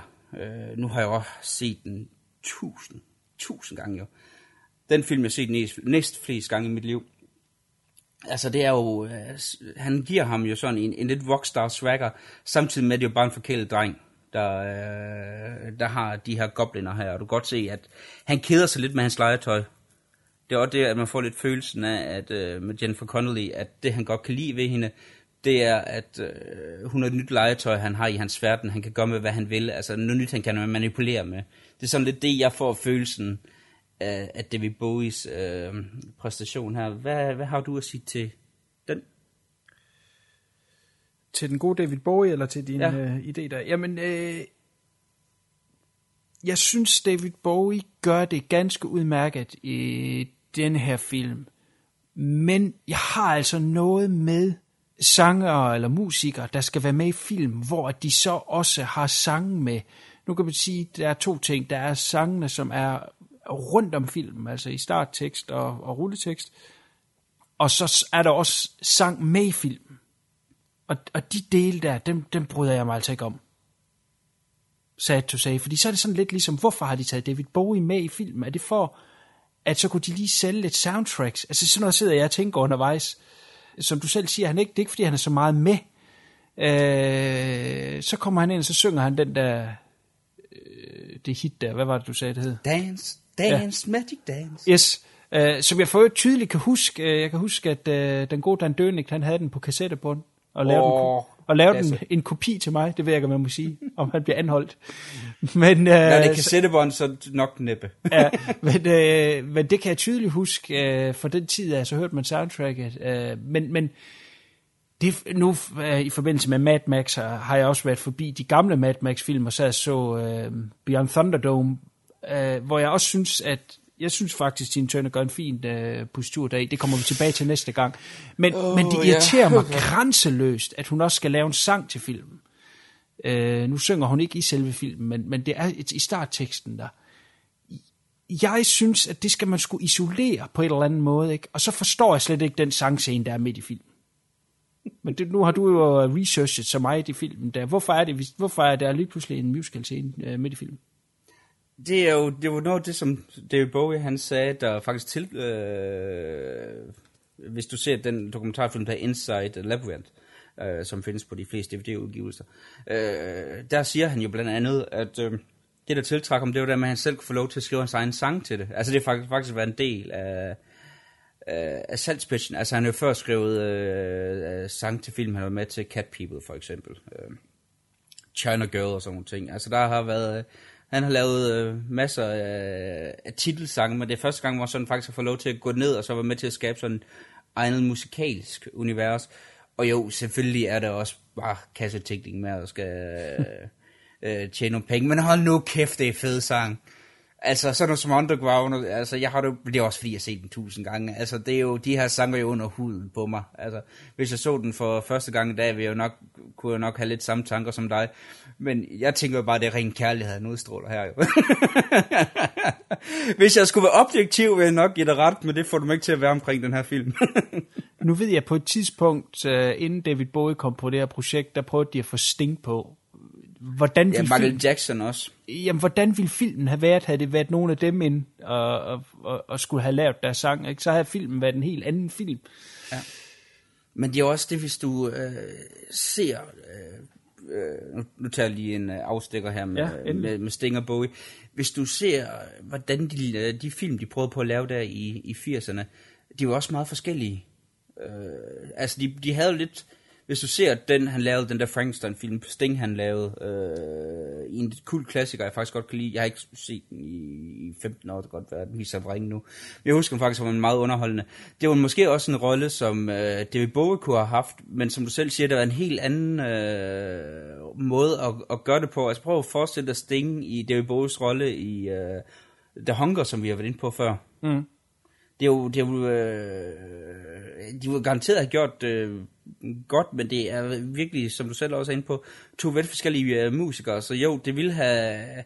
Jeg kan ikke se Sting skrive lige så sjove sang beregnet til børn, som David Bowie gør her. Altså, hans sang er jo øh, øh, i hvert fald henvendt til en meget yngre publikum, man han er vant til. Og det er jo også tydeligt at høre. Kan vi lige så... vende hans udseende? Jeg vil helst vente lidt, men jo der har vi en af de, der har vi en af de, der har vi en af de ting, hvor jeg, hvor jeg selv indrømmer, at uh, der har vi en af problemerne med filmen. altså, et er jo hans hår, som jo, altså, ja. men det er jo selvfølgelig noget i 80'erne, ikke? Som makeup, jeg ved godt, at uh, det, det var uh, hans store, uh, eller en af hans store claim to fame tilbage i 70'erne, var jo, uh, at han gik med det her makeup. Det havde han jo lagt på hylden øh, af 1986. Det kommer så frem igen her. Og så et par tights, der er, øh, altså man, der er jo ballsack ja. og det hele. Ja. Christ, hvad er der gået galt, TK? Det skal jeg sige dig, og det er ikke nogen køn historie. Det er jo, at de havde jo mere eller mindre på kostymeplaner oh, men det er grimt. Øh, det klip kan I faktisk finde på YouTube, hvor du har øh, kostymeafdelingen, der prøver på at undskylde det, eller prøver på at forsvare det, hvad man nu skal kalde det. Øh, hvor at de prøver virkelig på at gøre ham rockstjerne. Han ja. har jo en læderjakke, altså det er jo en læderjakke, der skal forestille øh, lede lidt tankerne hen på øh, Marlon Brando i The Wild One, den der motorcykelfilm, han lavede tilbage i 50'erne, må det være faktisk okay film. God film. og så nogle ting der med, at han ligesom skal være den her young rebel, samtidig med, som du selv siger, han skal være den her øh, rockstjerne her. Altså, igen det der med, at det skal forestille at være hendes fantasiverden, og hvor at øh, selvfølgelig er den her farlige figur, der står for sex, det er jo selvfølgelig en rockstjerne, og selvfølgelig er den rockstjerne David Bowie. Fordi han havde jo om nogen øh, den her seksuelle udstråling. Og det er også lidt det, øh, som øh, kostymafdelingen snakker om, og grunden til, at han har de der stramme bukser, det er jo det der med at gøre ham til den farlige ulv. Altså der er vi jo egentlig lidt det der med, med rødhætte og ulven. Altså, hvor at han er ligesom mere eller mindre skal, skal forestille og, og være et udtryk for hendes spirende seksualitet. Det er lidt varmt at snakke om, når hun kun var 14 på det her tidspunkt, hun lavede filmen. Men det er, det er lidt der, øh, den ligesom prøver altså der med, at øh, labyrinten jo også lidt er en, øh, en metafor for det at vokse op. Altså den handler jo om, hvordan at, øh, hun går for at have hendes halvbror til at, til at elske ham i løbet af filmen jo.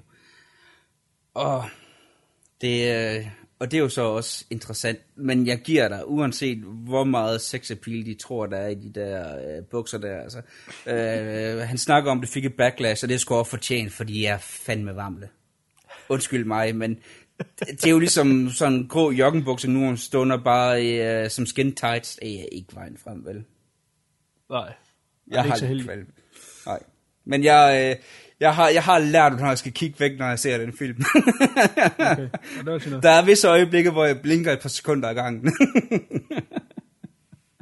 så jo, du har helt, helt ret. Så, øh, så jo, jeg kan se her med det, vi snakker om med sangene, at der har jeg skrevet mine noter, at jeg er hjernevasket til at synes, de var fantastiske. Men jeg glæder til at være, høre, hvad din holdning var. Øh, og det var jo også, hvad jeg havde forventet, yep, det må altså- være ved folk, der ikke øh, er, har set den her en milliard gange. Altså. Jamen altså, det, øh, David Bowies karriere kan man jo sådan lidt dele op i, i de forskellige faser, han gik igennem. Ja. Øh, Og det var hans hitfase her i 80'erne. jo. Ja, og, og jeg kan godt lide hans 70'er, jeg kan godt lide at, hans lidt mere nyere, hans lidt mere sådan, når han er blevet lidt ældre og lidt reflekterende. Øhm, det der er i 80'erne, jeg mener en- også engang, jeg selv har hørt ham sige, at, at der er altså nogle perioder der, han er lidt flov over. Ah, men han tjente penge jo. men ja, jo, men hans, ret. jeg ved, eller er ret sikker på, at sådan noget, nu nævnte du selv China Girl, altså det er noget i den periode der, og jeg kunne godt forestille mig, nu kan det godt være, at han er stolt af den her film i dag, det ved jeg ikke, men, men jeg kunne godt forestille mig, at den her periode lidt er under det, han, han refererer til, når han siger, at det var måske ikke lige den heldigste øh, periode. Hvordan har han til, hvad holdning har han til filmen i dag?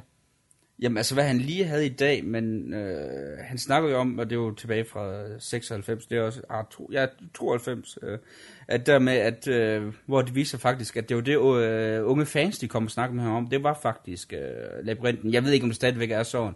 Også Jennifer Connelly, der snakker om tilbage i den interview i, i 97, så det var også unge piger, der kom og elskede øh, den her film her. Og det blev jo en fiasko i box office. Øh, det må man sige. Den tjente jo ingen penge, eller tjente halvdelen af sit øh, budget, og altså... Og den her var med til fuldstændig ødelægge Jim, Hendrix, Jim Henson, undskyld, ikke Jim Hendrix, øh, Jim Henson, øh, sammen med, hvordan folk de modtog Dark Crystal. Så øh, det er jo det med, at det er en af de der film, som publikum bagefter har taget til sig, og som også blev et, øh, et stort hit på, øh, på DVD. Jeg tror faktisk, han har det fint med det i dag. Jeg har ikke læst nogle øh, nyere øh, artikler, hvor han, han nævner, hvad han synes om. Øh. Jeg kunne godt faktisk tænke mig, det kunne være fedt, om man kunne finde et eller andet, hvor han laver en øh, refleksion over hans filmkarriere. Fordi der er sgu nogle interessante ting derimellem. Altså sådan noget som The Man Who Fell to Earth. Uh, vi har haft uh, to film, hvor David Bowie er med indtil videre. Det kan måske være på et tidspunkt, vi får en uh, Ken Russell-tema. Uh, det er ikke sikkert. Det er mange andre ting, jeg hellere vil øh, komme forbi først. Men så har vi i hvert fald David Bowie igen. Uh, han har, det er nogle af de ting, han, han var med i, der var utrolig interessante. Uh, det er ikke altid, der var lige vellykket, fordi uh, så stor skuespiller var han så heller ikke. Men ja, interessant. Jeg vil virkelig gerne vide, hvad han synes med den her periode her. Og som du siger, der er sgu nogle kikser imellem. Ja. Så øh, det, jeg, det bliver blive en opgave, at jeg skal prøve at se, om jeg kan finde øh, en øh, refleksion over hans filmkarriere. Det må være derude et eller andet sted. Det var trods alt en, en stor del af hans karriere der i slut 70'erne, start 80'erne, hvor han virkelig prøvede på at blive en, en skuespiller, ligesom de andre. Mike Jagger prøvede jo også med varierende held, skal vi ikke bare sige det sådan. Jo, jo. Free Jack. Ingen, ingen har lyst til at minde som Free Jack. Undskyld, Jo, jeg jo. lige gjorde Free det. Jack. Jo, jo, jo. Var du, var du på det hold? Ja, det var jeg det dengang. Okay, godt. Jeg var Øh, stor den- den... Emilio Estevez-fan, så jeg var da totalt klar på Free Jack. Øh, Det var jeg også dengang, men okay, Free Jack, jeg, jeg ser den igen, og så tager vi den der. lad, lad mig prøve og se, om jeg kan holde mig til min plan. Det går ikke så godt for mig. Men øh, noget af det sidste, jeg har omkring David Bowie her, det er jo det der glaskugle jonglering. Hvad synes du om de scener? Var det noget, der fungerede for dig? Altså de tricks, der han kan med den der krystal. Ja. Jamen, fungerer for mig. Jeg er ikke lige med, hvor du vil have mig hen. Jamen altså, hvad synes du om de scener? Ser det naturligt ud, eller Nå, er det ja. faked? Eller hvordan, hvordan, hvordan oplever du de scener? Jamen, det er sjovt, for jeg sad faktisk og tænkte på, hvordan fanden de har lavet det. Godt, for det kommer nemlig nu. Øh, Det er så Nå, derfor, jeg spørger, om du synes, det fungerer, eller om det, det falder det fladt. Synes, jeg synes, det ser cool ud. Grunden, måden den er lavet på, altså jo, jeg er jo helt vild med det her trivia, det er, at øh, det er jo ikke ham selv, der gør det. De har jo en mand til at stå bag ved ham, som, øh, hvor, øh, de sætter, hvor det er ham, der er hans arm. Øh, ah, Ah, en jonglør, okay, der ja. hedder Michael Moschen. Og han gør det jo blindt. Han står med ryggen, til, han står med ryggen bag ham, så kameraet ikke kan se ham. Og han kan jo ikke se, hvad han laver. Altså normalt med de her dukker, øh, du ser, øh, hvor du har folk inde i, for eksempel Ludo, øh, det her store monster, hun møder på et tidspunkt, der har et hjerte af guld. Øh, der har manden, der, øh, der sidder øh, inde i, øh, i monsteret på det rundt. Han har et kamera i et af horn, øh, hvor der er en lille tv-monitor, han kan se igennem. Det havde øh, Michael Motion ikke.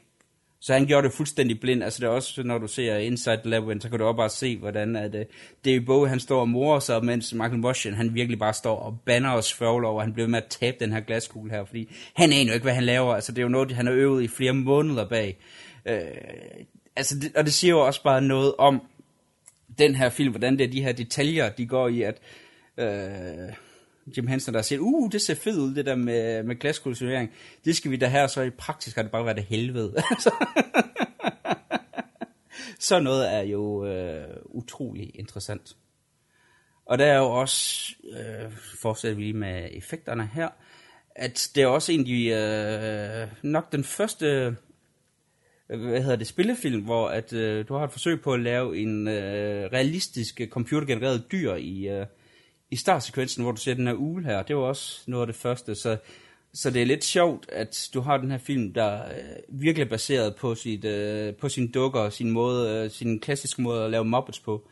Øh, at den så stadigvæk eksperimenterer så meget. Altså det er jo virkelig en film, der har taget chancer. Og det bliver den jo så også desværre øh, straffet for. Man kunne også godt sige lidt det samme, at Dark Crystal er også en film, der har mange chancer, men den er bare ikke særlig god. Øh, I modsætning til det her mesterværk jo. Hent, hent. du har bare givet en anbefaling, og så slår jeg dig. øh, Yeah. Ja, og jeg har jo øh, masser af andet øh, trivia, som er fuldstændig uinteressant. Og som I kan lægge mærke til her, jeg har overhovedet ikke nævnt noget som helst om filmens handling den her gang. Øh, fordi hvis først jeg begynder at, at, køre ind på de her øh, forskellige scener, der er i filmen, jamen så bliver det et meget langt referat, hvor jeg mere eller mindre sted- sidder med frøder om munden og bare skamroser det hele, mens Kuno han prøver på at, at, at skjule hans hænder i ansigtet og sige, bliv nu færdig, Christian. Åh, oh, det, er, det er et kvarter siden, jeg nåede det. Jamen det ved jeg godt, det er også derfor, at øh, jeg er nødt til at stoppe min skamrosen af den her film her jo. Øh, fordi jeg mener jo selvfølgelig, at det er øh, en, der skal, skal ses. Øh, men øh, jeg synes sådan godt nævne nogle af sine favoritscener øh, for, øh, for film og sine karakterer. Og der har det jo Hoggle. Øh, som jo er det her, øh, den her meget grundende dværg, som øh, bliver hendes følgespænd, fordi at han tilbeder hende plastik. Altså juveler er han ligeglad med, det betyder ingenting for ham. Men plastik, uha drejer, så kører vi. Øh, det er også en af grundene til, at jeg virkelig bliver fanget ind i filmen, det er, at alle karakterer har øh, en personlighed, uanset hvor kort tid de er med. Altså de her hænder for eksempel, jeg snakkede om, øh, de er måske med i 10 sekunder af filmen. De her klippehoveder her, jeg også snakkede om før, øh, også kun 10 sekunder af film. Men, men, men jeg, jeg når sgu at, at få nogle følelser til det. Også det samme med, med Hoggle her. Altså, man begynder jo at holde lige så meget af dem, som hun selv gør. Øh, og det er jo nok også nostalgien, der, der taler. Og det er jo også bare, når man sidder og tænker, at Hoggle, det bestod jo af, af fem mennesker, øh, øh, en kvinde til at være inde i kostymen, der hed øh, Sherry Whistler, og så øh, fire puppeteers, øh, som stod og skulle styre de her 18 motorer, han havde bare i hovedet. Om det her jo vanvittigt projekt. Og det er jo så Jim Hensons søn, og det er meget vigtigt, til, når vi skal i gang med Legend. Øh, Brian Wilson, som øh, er hovedpuppeteer og laver stemmen til Hoggle. Det bliver meget vigtigt at huske Brian Henson. jeg, jeg så godt høre, at jeg fisker efter noget her. Ja. Så øh, det, er, det er så noget, jeg elsker, og så jamen, bare hele persongalleriet, som jeg ikke kan komme ind på her, fordi så bliver det et 5 timers cast, og det er ingen der har lyst til. Øh, så jeg tror bare, at jeg vil, vil lukke min øh, meget vrøvlende øh, gennemgang af den her, fordi at det er en, en film, som I kan høre, jeg kan snakke om i flere timer, og Kuno han er ved at være træt, og vi skal nå ind til film. er det ikke sådan? jo, jo. Så øh, lad os øh, gå i gang med recommend-runden. Og nej, det, vi skal først lige høre, om du har noget at, at tilføje, du også gerne vil snakke om i min øh, mm. øh, anderledes måde at gribe det an på, hvor at vi Ja. snakker om alle tingene bag film, i stedet for at snakke om filmen, fordi vi snakker om filmen, så bliver vi aldrig færdige. Det kan jeg ikke styre. Ja, ja, men det er, det er også fint. Jeg kom med et fint referat i starten. Ja. Kort og lige til benet. Ja, det er det. Nej, altså det eneste, jeg lige har skrevet ned her, nu nævnte du det selv lige, at øh, den, den var lidt en, en box office fiasko i biografen i hvert fald, kun tjent halvdelen af budgettet hjem. I dens run, der, der tabte den til øh, Karate Kid 2. Så hvis man taber til Karate Kid 2, så har man sgu gjort et eller andet galt. Altså, hør her, det vil være at tabe til Karate Kid 4. Det er word, det er rigtigt. That's a true story. Uh, ja, men lad mig gå, jeg kan gå direkte over i recommend. Jeg, lad mig lige starte med at sige, at jeg gerne vil anbefale den her film, selvfølgelig jeg det. Tak. fordi det er en super underholdende film. Jeg synes, det var fint nok at se den igen. Det er ikke noget, den har ikke ødelagt noget for mig, og øh, øh, jeg vil ikke sige, at den har mistet noget i dens anseelse som så, men jeg fik ikke det her nostalgi-rush, som jeg nogle gange får ved at se noget, jeg ikke har set, øh, siden jeg var barn. Øh, for mit eget vedkommende er det ikke noget, jeg lige umiddelbart vil se igen, men jeg tænker da helt sikkert, at, øh, at mine børn skal se den om, om et år eller to, når de at være klar til at se sådan noget. Det Så- varmer så, mit lille øh, hjerte, det gør det. Ja. så det, det skal de da se, og, det, og- for det er den, øh, er den jo mild og underholdende, og det, det, øh, det kan jeg kun stå ved, at sådan børnefilm vil jeg gerne vise mine børn. Mine børn er blevet skærmet fra visse ting, så noget for eksempel som Teletubbies har mine børn ikke set. Jeg, jeg prøver lidt at bestemme, hvad det er, de skal se. Øh, og jeg vil gerne vise dem øh, labyrinten. Ja, bare lige klippe øh, scenen. Men så igen, det er så sjovt, børn de opfatter ikke det der med hans stramme bukser som værende noget stødende. Nej, nej, nej, nej. Heldigvis da. Det ved de jo ikke være endnu. Nej. For dem er kendt dukker jo stadigvæk bare noget, der er, øh, der er fladt, så det er jo heldigvis først om 30 år, hvis du er heldig, de, øh, de finder ud af det.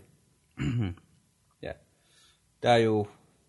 Ja, har du mere at sige? Undskyld, jeg afbrød. Nej, nej, nej. Jo, jeg har et spørgsmål, men det kan jeg lige komme med efter dine øh, Ja. visord. Um, altså, det, jeg tror, det fremgår tydeligt, uh, hvad jeg synes om Du den her kan film. Lad være med at se. Nej, det kan, det kan. Jeg skal selvfølgelig ses tusind gange. Altså, det er, det er en af de film her, der... øh, Jeg tror langt de fleste mennesker, hvis uh, de skal forbinde en film som med mig, så er det nok Labyrinten, for det er nok en af dem, jeg snakker mest om øh, når det kommer til øh, de her øh, underholdningsfilm, så er det her helt klart en af dem, der giver mig en, en størst glæde. Øh, og jeg underholdt, lige underholdt hver gang, om jeg er ja, 34, som jeg er nu, eller om jeg var øh, syv år første gang, jeg så den. Det er for mig stadigvæk en fantastisk film. Øh, det er en af de film, der øh, jeg aldrig rigtig har forladt, hvor, at, øh, som Kuno siger, der er nogle film, hvor man får en nostalgi rush, når man ser den her. Altså for mig, så er det jo en film, jeg ser to eller tre gange om året. Så, og tit i selskab med andre, øh, der ikke har noget valg. Altså hvis jeg finder ud af, at der er nogen, der ikke har set øh, Labyrinten, så, øh, så bliver de tvunget til det. Og jeg har slet ikke nævnt den danske titel, apropos før vi snakker om dårlige danske titler. Labyrinten til 12 Kongens Slot. Så er vi også den med. Ja. Og øh, så stopper vi min øh, usammenhængende brøvlen, og du havde et spørgsmål. Jeg har et spørgsmål. Er det hele en drøm? For mit two cents, ja.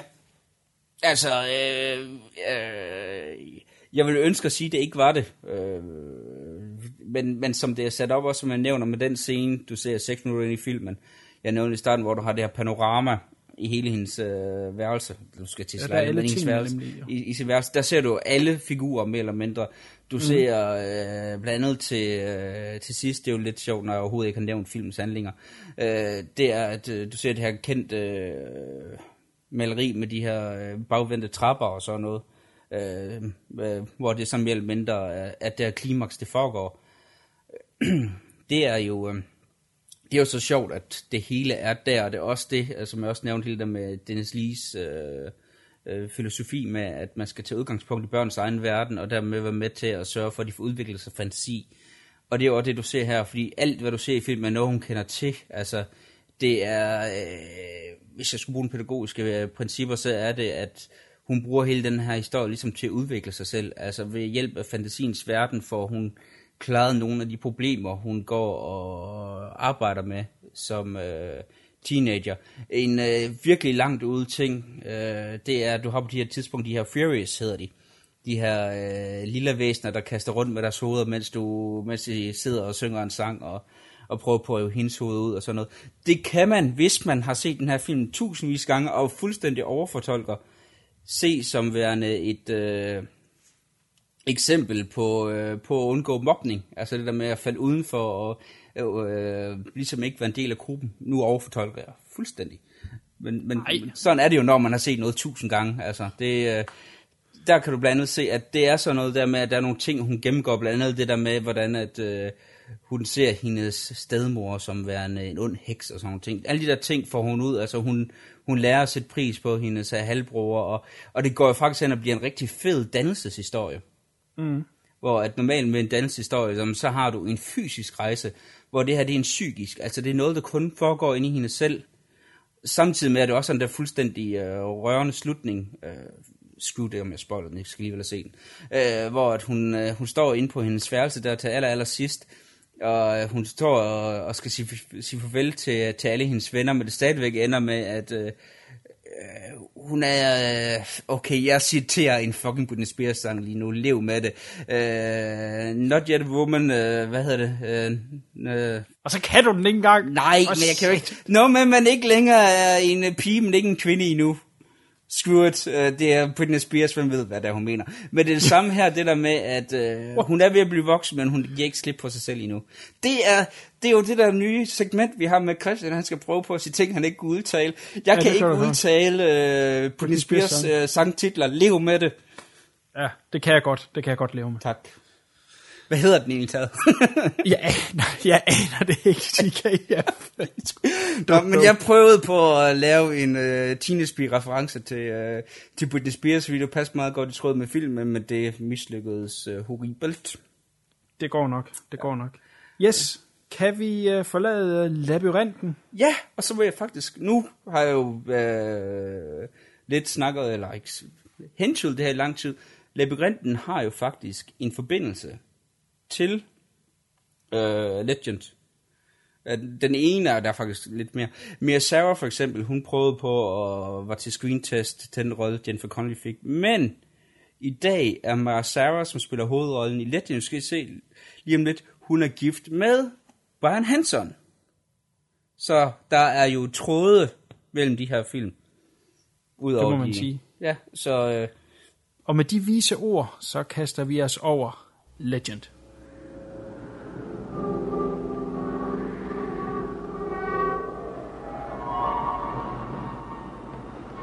There is a balance to the universe. The struggle to maintain that balance is the stuff of legends. For there can be no good without evil, no love without hate.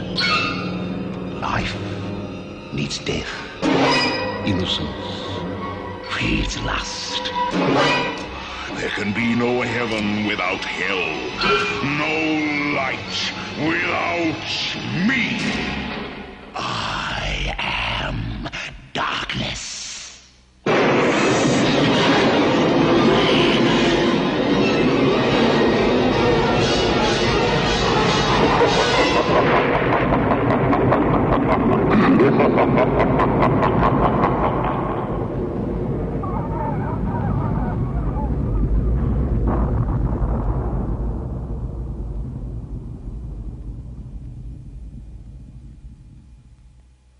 Legend 1985. Lord of Darkness vil overtage hele verden ved hjælp af hornene fra en enhjørning og finde en dronning til at gifte sig med. En ung mand må tage kampen op mod ondskaben. Det bliver legendarisk. TK, du har også valgt Legend. Ja, det var også lidt med de der øh, tråde, det var. Så var det også den anden store øh, 80'er øh, fantasyfilm i, øh, i min bog. Altså der er dem, der godt kan lide det der maskuline, øh, svært trolddom ting med, med Conan og alt det der pis, der, der dem beholder for sig selv. De kan også være underholdende at se sammen med drengerne og Kasper. Men jeg vil sige, når det kommer til, øh, til fantasy for, for 80'erne, der, der for mig øh, stadigvæk øh, kan være interessant at se, så er det jo Labyrinth og Legend. Og Legend er en af de mest visuelle, fantastiske film, jeg har set. Hold nu op, han leger meget med, med måden at præsentere det på, som vi også kommer ind på senere. Og så har det også en fantastisk skurk med Darkness, som øh, jeg også glæder mig til, at vi skal snakke om lidt. Men øh, hvad siger du? Jamen, øh, det her det er en film, som jeg har for det første set, da den kom frem, men så også øh, gentagende gang set over årene. Så det var ikke sådan et eller andet øh, uh, hidden treasure. Det er en, jeg, jeg hele tiden har haft høje tanker om og har fulgt. Øh, kom jo ud på DVD for nogle år siden i i øh, en eller anden superudgave, hvor der er de forskellige udgaver på den. Det kommer vi tilbage til, at den har gennemlevet lidt forskellige udgaver. Øh, og jeg synes, har altid synes, det er en super fed film, og har, øh, som du siger, et helt specielt visuelt univers, som jeg forbinder med eventyrfilm. Øh, Øh, vi har tit strejfet øh, Ringenes Herre, Hobbit-filmene. Hvis jeg skal komme med, med, med en kritik af, af dem, som jeg synes, den her film har, det er, at nogle gange så løber de bare over en græsmark, eller på et bjerg, som jeg kan rejse ned og finde. Øh, og så nogle gange er det nogle store sæt og sådan noget der, ikke? Men, men for mig, der er det, når man skal helt ind i sådan en magisk verden, helt 100%, så skal det alt sammen være noget, der på en eller anden måde er konstrueret helt specielt. Og det er det i den her film, af hvad de har kunnet budgetmæssigt dengang. Det var før computereffekter, så alt skulle bygges øh, i Pinewood Studios over i England. Der, der har de simpelthen bygget den her skov og sø og helt vanvittigt stort sæt, men alt sammen har det her eventyr-look, som gør, at man kommer altså 100% ind i en eventyrverden, og det har jeg altid elsket den her film for. Og det er jo også, øh, når vi snakker om det visuelle, kan vi lige så godt tage nu, øh, det er jo, at hvis du ser langt de fleste udendørs scener, der er altid et eller andet i luften. Det kan være blomster, øh, flora, der, der flyver rundt. Det kan være sne. Der er hele tiden noget. Der er endda en scene, hvor der er sæbebobler. Mm. Så, og, og det er også det er også med til at gøre den magisk, det der ser ja. måske lidt for meget. Men det er igen med til at give det specielle øh, univers, øh, det der drømmende univers, altså de scener, hvor de render rundt i skoven, og det bare øh, flyver rundt med, med det her pollen her. Altså godt, man ikke har pollen, godt de ikke har pollenenergi i hovedpersoner, så havde det været en kort film. så er det i hvert fald blevet nyst en del. Den er, øh, altså det er også med til virkelig, at man føler, at man er øh, i noget helt andet, man er vant til. Det her, det er sgu, det er ikke Kansas. Nej. Og det er interessant. Helt sikkert. Så, øh, så det, det er rent visuelt. Altså, hvis man ikke kan se den her film for andet, så i hvert fald for det visuelle. Og så kan vi så altid snakke om, øh, om hjertet. Det er også det, vi, vi kommer ind på her. Om, øh, hvad vi synes om. Jamen, hvad er der så i filmen ud over øh, kønne billeder? Spørgsmål ting, inden vi øh, kaster os over øh, lidt mere med, med filmen.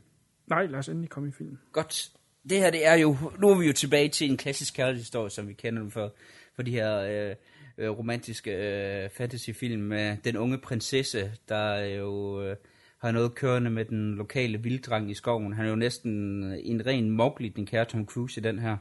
Mm. Og øh, hvor øh, det, det hele handler om, øh, hvordan at de sådan er forelskede, og der er jo, hun smider den her ring, hun har på fingeren ned i et... Øh, ned i en sø, og den, der finder øh, ringen, får selvfølgelig hendes hjerte, og der bliver virkelig øh, dybt inde i fantasyverdenen, altså hvor du mere mindre med det samme har en, en mand, der har en quest, og så er det jo så, at Jack viser hende de her enjørninger her, hvor historien går i gang, og så har du den onde skurk Darkness, der har sendt hans øh, gobliner. Vi bliver i Goblin-universet. Det er dejligt, os der kan lide det det er også bare de gobliner, vi ser i de her to film, de er jo visuelt fantastiske. Det, det skal ja, det her. Altså, det er jo virkelig noget for en mareridt. Samtidig med, at de har en... Øh, altså, der er noget morsomt med dem, samtidig med, at de er skræmmende. Det fungerer rigtig godt i min verden. Mm.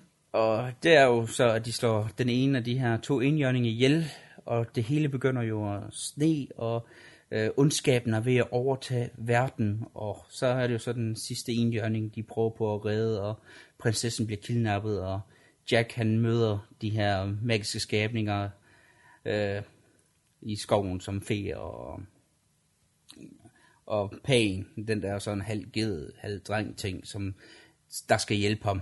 Og så er vi jo virkelig ude i, i dyb fantasy og tværge over det hele. Altså. Det bliver jo næsten ikke bedre. Nej. Det, mm. det er jo sådan noget, hvor man bare sidder og tænker, yeah! ja, helt sikkert, helt sikkert. Og, og så har vi jo de klassiske øh, fantasy-trupper med, at så skal han jo ud og finde hans rustninger og hans, hans svær. Og, og det er ret sjovt, fordi hele filmen øh, kører af en meget, meget klassisk øh, skabelon. Samtidig med, at det på grund af den visuelle side føles faktisk lidt frisk og nyt. Mm. Fordi de gør så meget ud af det. Og, og det er jo også lidt det der med, hvordan at man kan have det der dybt tra- traditionelle, øh, samtidig med, at det faktisk lykkedes Ridley Scott at, at skabe noget, der føles nyt øh, på en måde. Altså det er, at man vender tilbage til øh, en historie, man har hørt øh, tusind gange før.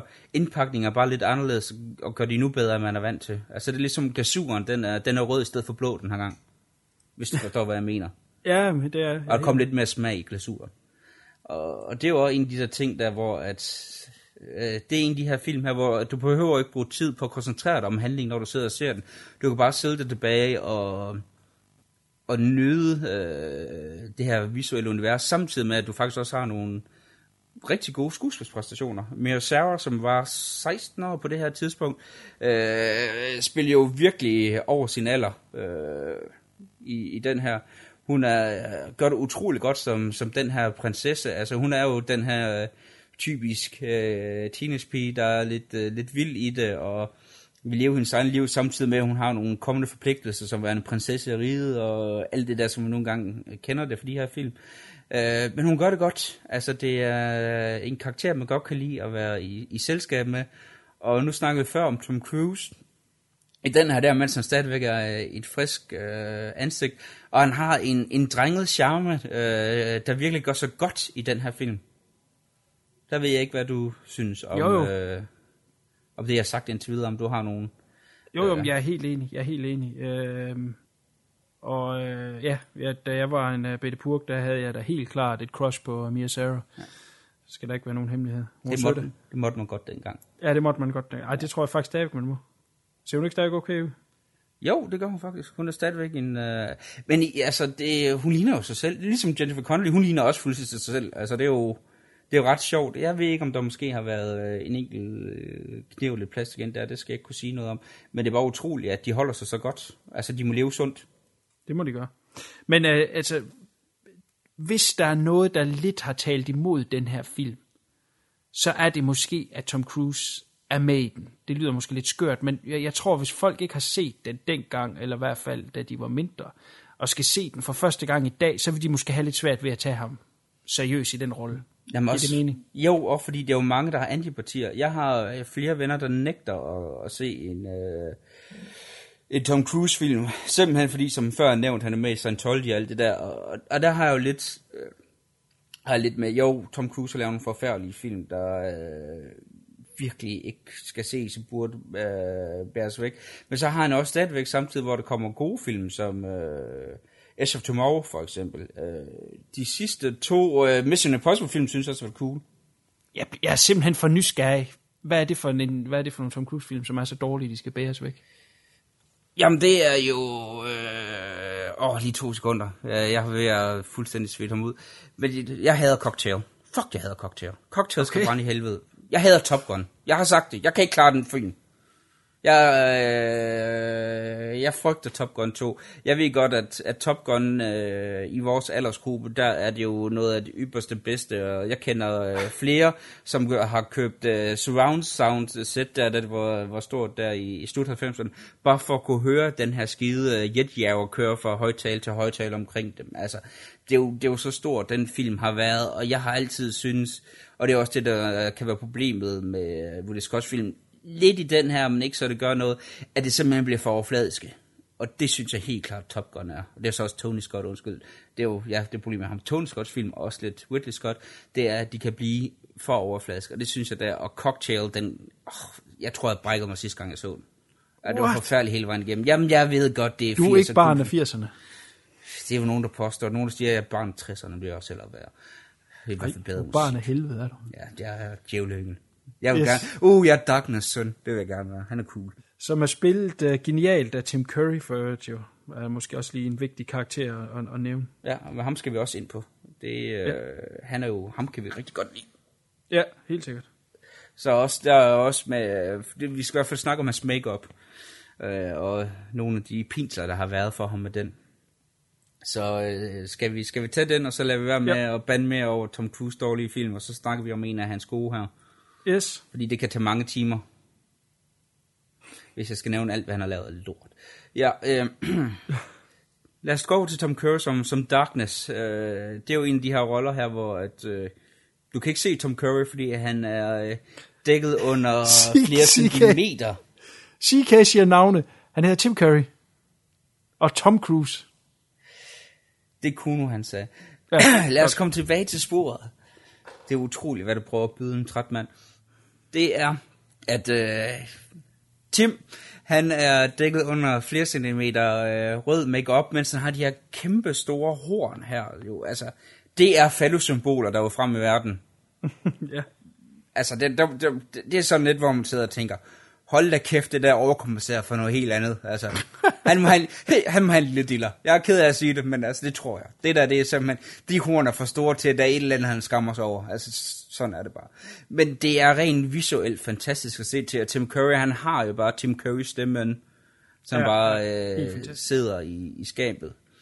Men der var også problemer med det her øh, makeup, fordi han, han skulle bruge øh, flere timer hver dag på det, og også bare sidde bagefter og vente på, at at limen, den ligesom opløste sig selv, og så var der en dag, hvor at, øh, han gik i panik, altså han var ved at få klaustrofobi, så han rev det her makeup med sig, øh, hvor en del af hans hud øh, også fulgte med sig, de simpelthen var nødt til at, øh, at stoppe optagelserne, mens han, øh, han healede. Så det har været en, øh, en af hans mere smertefulde øh, film, kan man nok godt sige.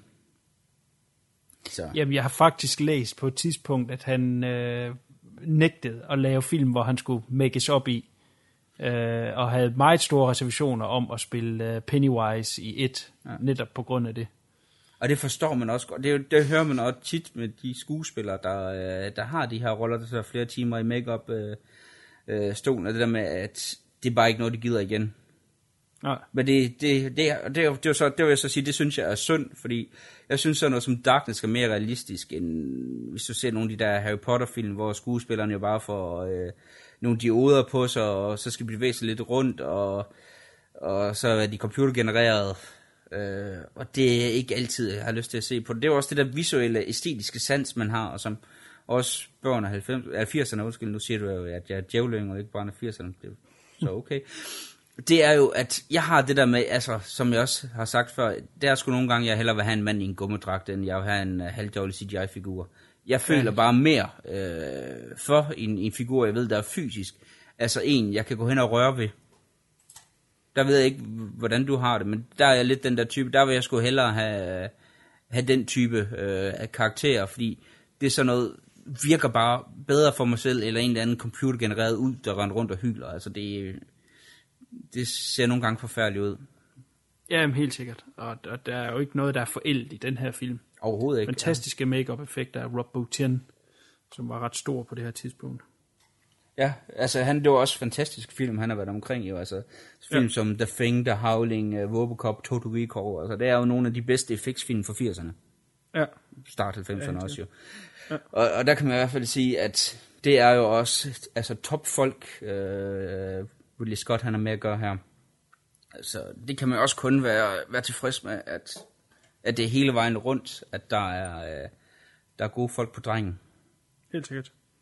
Det er, vi kan måske lige strejfe musikken, når vi snakker om, hvem der har været med i år. Ja, der har vi jo øh, to vidt forskellige soundtracks. Ja, det må man sige. Så øh, ja, ja, jo, det er mig, der står for det samme, eller start jo.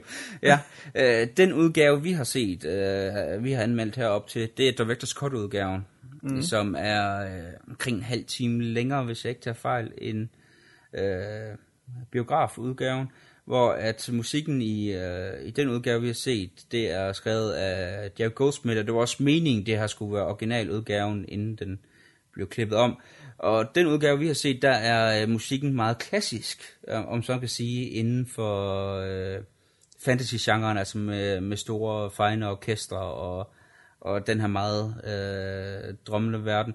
Hvad synes du om øh, Goldsmiths øh, soundtrack her? Som altid, når vi snakker Jerry Goldsmith, så er det øh, noget, der passer til filmen, noget, som er med til at udbygge universet. Og i den her film meget øh, øh, lejende og drillende, som, som passer til, når man ser øh, dværgene, og når man ser enhjørningerne, så har det sit, ligesom sit eget tema og sådan noget der, som har en helhed. Jeg synes, det øh, er øh, super fedt øh, øh, soundtrack. Ja, men øh, det er jo så det andet, øh, det der kommer til af, øh, det theatrical øh, version, øh, det her electroband, eller electropopband, der hedder Tangerine Dream, øh, hvor det er meget synthesizers, der kommer ind over. Det kan man blandt andet finde på, på YouTube øh, hvor det ligger, hvis man gerne vil høre, hvordan det er. Og der har du også sange med, blandt andet Brian Ferry, der, øh, der crooner et nummer. Øh, den store crooner fra øh, Roxy Music, hvis der er nogen af jer, der kan huske det. Fantastisk band. Okay, det er måske ikke fantastisk. Det er måske ret dårligt, men jeg kan godt lide Brian Ferry. Han har en, en rigtig fed crooner stemme. Og det synes jeg ikke rigtig passer så godt ind øh, i, øh, i, en fantasy-univers. Nu skal jeg så også høre, øh, siges, at øh, jeg har hørt soundtracket uden at se filmen. Øh, det her ja. Tangerine Dream. Så det kan godt være, at det virker helt andet. Det er også det, jeg skal spørge dig om, øh, hvor du har set begge udgaver. Hvad synes du om uh, Tangerine øh, Dream øh, soundtracket? Fungerer det også, når man ser det i kontekst med filmen? Ikke på samme måde, fordi der er nogle af de uh, temaer, som jeg snakkede om før, som jeg forbinder med filmen. Altså det er ligesom det, jeg er vant til. Så når, når, når jeg hører noget andet, så synes jeg jo, det er forkert. Giver det mening? Ja, altså... Så er det lidt ligesom sådan en fan-cut, hvor en har smidt noget andet musik på. Ja. Åh oh, ja. Det man er vant til, når man ser public domain film, hvor der er nogen, der kommer med et nyt soundtrack, bare for at tjene penge på det. Men, men det er jo det, som lidt var problemet med den gode Ridley Scott i den her periode. Det var jo, at han var blevet en meget usikker instruktør, fordi at øh, med... Øh, med Blade Runner, som, som fik en, en, en, en svag modtagelse, og, og han begyndte at have tvivl omkring, tog han nu de rigtige valg, øh, og de her lidt øh, dystre film, han lavede på det her tidspunkt, som var sådan lidt fantasy, sci-fi, begynder at tvivle lidt på sig selv omkring øh, de valg, han har, og, eller har taget. Og øh, jeg synes jo, han mistede her efter Legend, der, der synes jeg jo, at Ridley Scott mistede lidt af det, han havde i starten. Øh, jeg ved ikke, om han ikke på samme måde tør tage chancer. Men jeg synes jo slet ikke, han er den samme instruktør mere. Han har måske lige lullet en film af mere, som jeg synes er super sej. Uh, Thelma Louise. Men derudover er det jo en, lidt noget tyndt, når han kommer med uh, sidenhen. Så det, han havde lige hans gyldne periode uh, i starten. Jeg vil, jeg vil så også lidt... nævne American Gangster som værende uh, en af hans bedre film. Ah. Og, og jeg vil desværre også, og det er nok en fejl, jeg vil desværre også nævne Black Rain. Ja. Øh, den vil jeg, sgu, den, jeg, vil, jeg vil også godt give ham Black Rain som værende en rigtig oh. god underholdningsfilm. Og Black Rain er sgu også cool. Altså, Men det, så bliver det sgu også svært. Så vil jeg godt sige, at så begynder det altså at blive langt mellem snapsene. Men det er også bare sjovt, når du har en instruktør, der, der starter så, så stærkt ud med film, som du lander hans debutfilm, som ja. øh, jeg var helt vild med. Så kommer Aliens, altså så, og Blade Runner, og, ja, Blade Runner det er jo så. Øh, men der er jo så virkelig nogle, øh, nogle stærke ting der i hans øh, tidlige karriere. Så det er også lidt sjovt, hvordan at det er som om, at han går hen og bliver, som selv siger, lidt en anden instruktør. Han har stadigvæk øh, de visuelle i hans film, men der er sgu langt fra manden, der laver en film som øh, Blade Runner til manden, der laver White Squirrel for eksempel. Mm. Eller manden, der, der laver øh, den der øh, Columbus-film Conquest of Paradise. Så, så jo, det er, øh, som vi nu har nævnt her, meget sjovt at se, at det er ligesom øh, en af de sidste film, hvor man føler, at han, han selv er helt kontrol over den her legend. Ja. Men den endte jo så også med at blive en, en, en uh, halv fiasko, meget ja. eller labyrinten, og kun fik halvdelen af budgettet ind igen. Det er også en film, der har fået sit liv på, på hjemmevideo, og på den måde er er, er blevet sådan lidt en, en kult, eller ikke en kult film, men en, lidt en, en, en klassiker alligevel, men det er, det er en film, man skulle opsøge i mange år. Og det er jo også det, der har charmen ved de film. Altså sådan noget som uh, Legend og Labyrinten. De der film, man skulle lede efter, det er jo også det, der gør, at der var noget, der startede med at være noget, der hed kultfilm. Det var de der, der virkelig krævede en indsats. For nu kan du jo finde øh, næsten alle film ved hjælp af en hurtig søgning på internettet. Altså, Ja. ja. den gang der tilbage, hold nu kæft, det kunne være et helvede. Altså, der kunne man, skulle man ind i nogle gange 10 forskellige øh, videoforretninger. Nogle gange skulle man hele vejen til, til en storby, der lå, lå 50 km væk for at kan finde, en, øh, finde den film, man har lidt efter. Jeg ved ikke, hvor, øh, hvor mange år. Mm. Ja. Godt. Så, øh, og nu igen, øh, ligesom før, så har vi ikke snakket så, så meget om handlingen, bare, bare ganske kort. Øh, jeg vil faktisk lige øh, lave en, en backtrack, og så lige snakke om øh, den sidste øh, sk- skuespiller, vi ikke lige har nævnt, David Bennett. Ja. Ham har lige lyst til at nævne, øh, lige, lige fordi han skal lige huskes. Hvor det er David Bennett, som er mest kendt for øh, Volker Slyngdorfs øh, pligtrummen, som den hedder på dansk som jo, hvor han spiller øh, øh, den her dreng, der aldrig kan blive ældre, øh, som jo også er inden for, øh, for øh, den europæiske øh, kunstfilmsgenre, øh, et af mesterværkerne, øh, øh, utrolig sær film, Så man burde øve sig selv at se. Øh, Man skal bare øh, være klar over, at øh, det er en film, hvor at da det er en dreng, der spiller hovedrollen, og han har en seksualitet, så er den dybt forstyrrende i perioder. Altså, det er, det er en af de film der, hvor man, man nogle gange har lyst til at, at slukke, men til gengæld øh, rent kunstnerisk en meget vigtig film at komme igennem. I hvert fald en gang. Ja, enig. Øh, så den vil jeg lige reklamere for, og så er der også, han har jo en dybt tysk accent, så det er ikke hans stemme, vi hører i filmen her. Det er en, en anden skuespiller. Øh, så det er, er lidt sjovt, men øh, Bennett her, han har altså en sindssyg fed øh, ansigt, altså. Ja, Øh, helt sikkert. og øh, han, øh, han er sådan også en af de der, hvor man sidder og tænker, altså han er et godt valg, fordi han, han ligner lidt en eventyrskabning. Jamen, det er det. Uh, han, ja, helt sikkert. Han, øh, hans stemme er øh, dobbelt af øh, en kvindelig skuespillerinde, og det er hende, der spiller Brix, som ah, er Darkness håndlanger. Så hun, øh, hun lægger både stemme til sig selv som Brix, og så øh, som Gump. Og det er lidt sjovt, for man kan ikke høre det, eller man lægger ikke mærke til den kvindestemme, fordi han har sådan lidt feminine øh, træk over sig. Samtidig Ja. med. Men han er, ja, men han har nemlig, øh, han er sådan lidt en scene stealer, når, man, når han er på, ikke? så er det ham, man kigger på med det samme. Og han er over omkring sig. Ja. Det er super. Så, Skal vi tage en recommends? Ja, lad os det. Der er ingen grund til at blive med at taske halm på en spejlsil, havde nær sagt. Øh, ja, øh, jeg har lidt med, med den her, hvis jeg skal sige noget negativt omkring Legend. Jeg synes måske ikke, den har øh, samme hjerte, som øh, Labyrinten har i min verden. Men til gengæld så øh, bliver den løftet op af fantastiske skuespilspræstationer og et, et visuelt univers, man ikke ser, øh, ser lignende Altså, jeg har ikke set noget øh, i samme stil øh, siden, og jeg vil ønske, at øh, dem, som øh, bliver ved med at spytte den ene fagløse fantasyfilm ud efter den anden, øh, gik tilbage og så en som Legend, og måske øh, tænkte, okay, de kunne lege med det visuelle tilbage i 80'erne, hvorfor kan vi ikke det længere?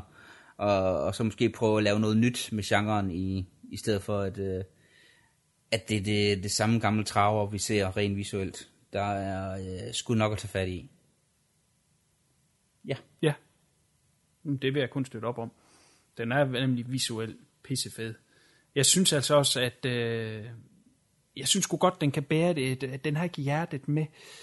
Øh, Men igen, det er jo en subjektiv ting, det der med, Ja, med hjertet. det altså, det er jo, det det, er jo også det, altså, hvor du måske vil sige, at du ikke synes, labyrinten har øh, det hjerte, jeg synes, den Ej, har. det vil er jeg ikke sige. Ej, det vil jeg nu ikke sige. Det, det er lidt, det, der, der for mig, men det er måske også lidt med, at, øh, at for mig tager det visuelle måske også lidt overhånd. Ikke på nogen negativ måde, altså det, øh, Mm. men det er jo bare den der med, hvor at øh, for at den her skulle være helt, helt op at ringe, skulle jeg have en lidt mere øh, følelsesmæssig indlevelse, end jeg føler, jeg har hele filmen igennem. Altså, det, er, det er faktisk et lille kritikpunkt, fordi man er sgu med i filmen og sådan noget, men jeg mangler lige det der ekstra ump. Ja. Så Jamen altså, det foruden, så synes jeg, som en eventyrfilm skal være, og det ligger lidt i, i, i genrens titel, at man skal komme med på et eventyr, og man skal øh, se nogle ting, man ikke har set før, og, og, og, og opleve noget, og det synes jeg helt sikkert, man gør her i øh, og har en super skurk. Øh, nu synes jeg ikke som så, jeg vil sammenligne hverken Legend eller Labyrinten med hinanden, men skal jeg, så er der måske lidt mere skurk over øh, Darkness, som er, som er sådan lidt legendarisk i det, end, øh, og, og mindeværdig. Øh, Der er øh, jo hvis så skal ked, ked af så Ja, men jeg jo. synes heller ikke, man skal sammenligne det, fordi jeg synes, at, at Labyrinten er, er en børnefilm, og, og, og den er til børn, og den er mere mild og, og, og, og glad, hvor at Legend, den, den jo låner sig lidt mere til, til det mørke og det dystre. Øh, Jeg kan det- huske... Det er fedt på en anden måde. Tilbage på TV2, da de sendte den af Legend første gang uh, i tv, der mener jeg faktisk, at jeg kan huske en kommentator, der sagde, at uh, den der speakerstemme, der er før, der sagde, at det var ikke for små børn. Mm. Så det- og det er nok aldrig nogensinde nogen, der har sagt foran labyrinten. Så. Nej. Men uh, undskyld afbrydelsen. nej, nej, det er helt i orden, det er helt i orden. Jeg vil give uh, Legend uh, kæmpe recommend, hvis man er til uh, eventyrfilm, og, man, og hvis man kun har set de moderne, som du siger, jamen, så er der sagt med mig der hente her, og, øhm, og for Ridley Scott fra en tid af, hvor han, hvor han turde lidt mere og gjorde lidt mere, uh, er det noget af det sidste, han gjorde Ja. fra hans hånd af, der, der, der ligesom kunne det. Så kæmpe recommends til Legend. Godt, jamen uh, kan vi tage øh, vores stramme tights af, Jeg har taget dem af. Jeg og ikke. sandalerne af, og så kom, øh, kom videre i programmet. Ja. Som man siger. Jamen tak for øh, filmvalg, CK. Jeg håber, du fik udlevet lidt af din... Øh, Ja, din drømme der. jeg prøvede på at lade være med at være alt for nørdet omkring labyrinten. Det tror jeg ikke lykkedes. nej, nej, men det er fint nok. Det er det, vi er her for. Det er for at snakke shit, som interesserer os. Inden for film i hvert fald. Godt, jamen øh, som altid vil vi gerne have en øh, kommentar ind på Fjes og en like. Gør bare øh, begge dele, så er det super. Man må også gerne sende mig en øh, besked via vores Facebook, altså sende en besked via vores øh, Facebook-profil øh, der, med titler eller navne, som øh, vi skal have CK til at sige. Nu har han jo flere gange fucket ting op i det her, øh, øh, på den her episode, navne og titler. Er der noget, I tænker, det kunne satme være sjovt at få ham til at sige? Jeg kan sige, at jeg har modtaget noget, så, så du skal nok blive udfordret. Øh, Enten navne eller filmtitler, så send det til mig, så, øh, så han ikke ser dem og kan øve sig. Så, øh, så prøver vi at få noget sjov ud af det næste gang, som jo er vores episode 50. Så skal vi jo lige have lidt ekstra.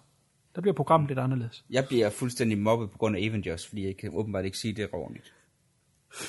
Yes. Ja, ja, jeg gemmer min grin til næste gang. Det er godt, det bliver i hvert fald super sjovt. Uh, er man en, der henter os via um, iTunes, så må man også gerne lige give en stjerne derinde, og gerne en anbefaling. Det vil være super nice. Næste gang, som sagt, er vores episode 50. Det bliver lidt anderledes uh, bygget op. Vi laver lidt uh, om på formen. Men vi skal selvfølgelig også anmelde noget, og næste gang skal vi anmelde en lille tv-serie, en engelsk tv-serie, kun kørt en sæson, så det er øh, til at komme igennem. Og den hedder Garth Marenghi's Dark Place. Det bliver blodigt, Øh, kan jeg vist godt sige.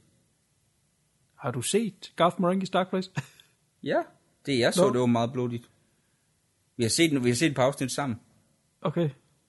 Jeg kan ikke huske, at der er noget blod med Garth Marenghi's Dark Place, men øh, ikke ret meget i hvert fald. Det er en komedieserie. Godt, men øh, på øh, gensyn til øh, det store jubilæumsshow, episode 50 næste gang. Indtil da, kan du sige pænt farvel, TK? Pænt. Farvel. Farvel.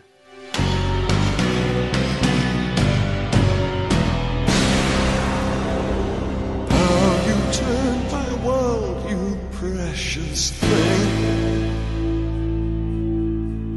You starve and near exhausted. Everything I've done for you. I move the stars with no one. You've run so long, you've run so far.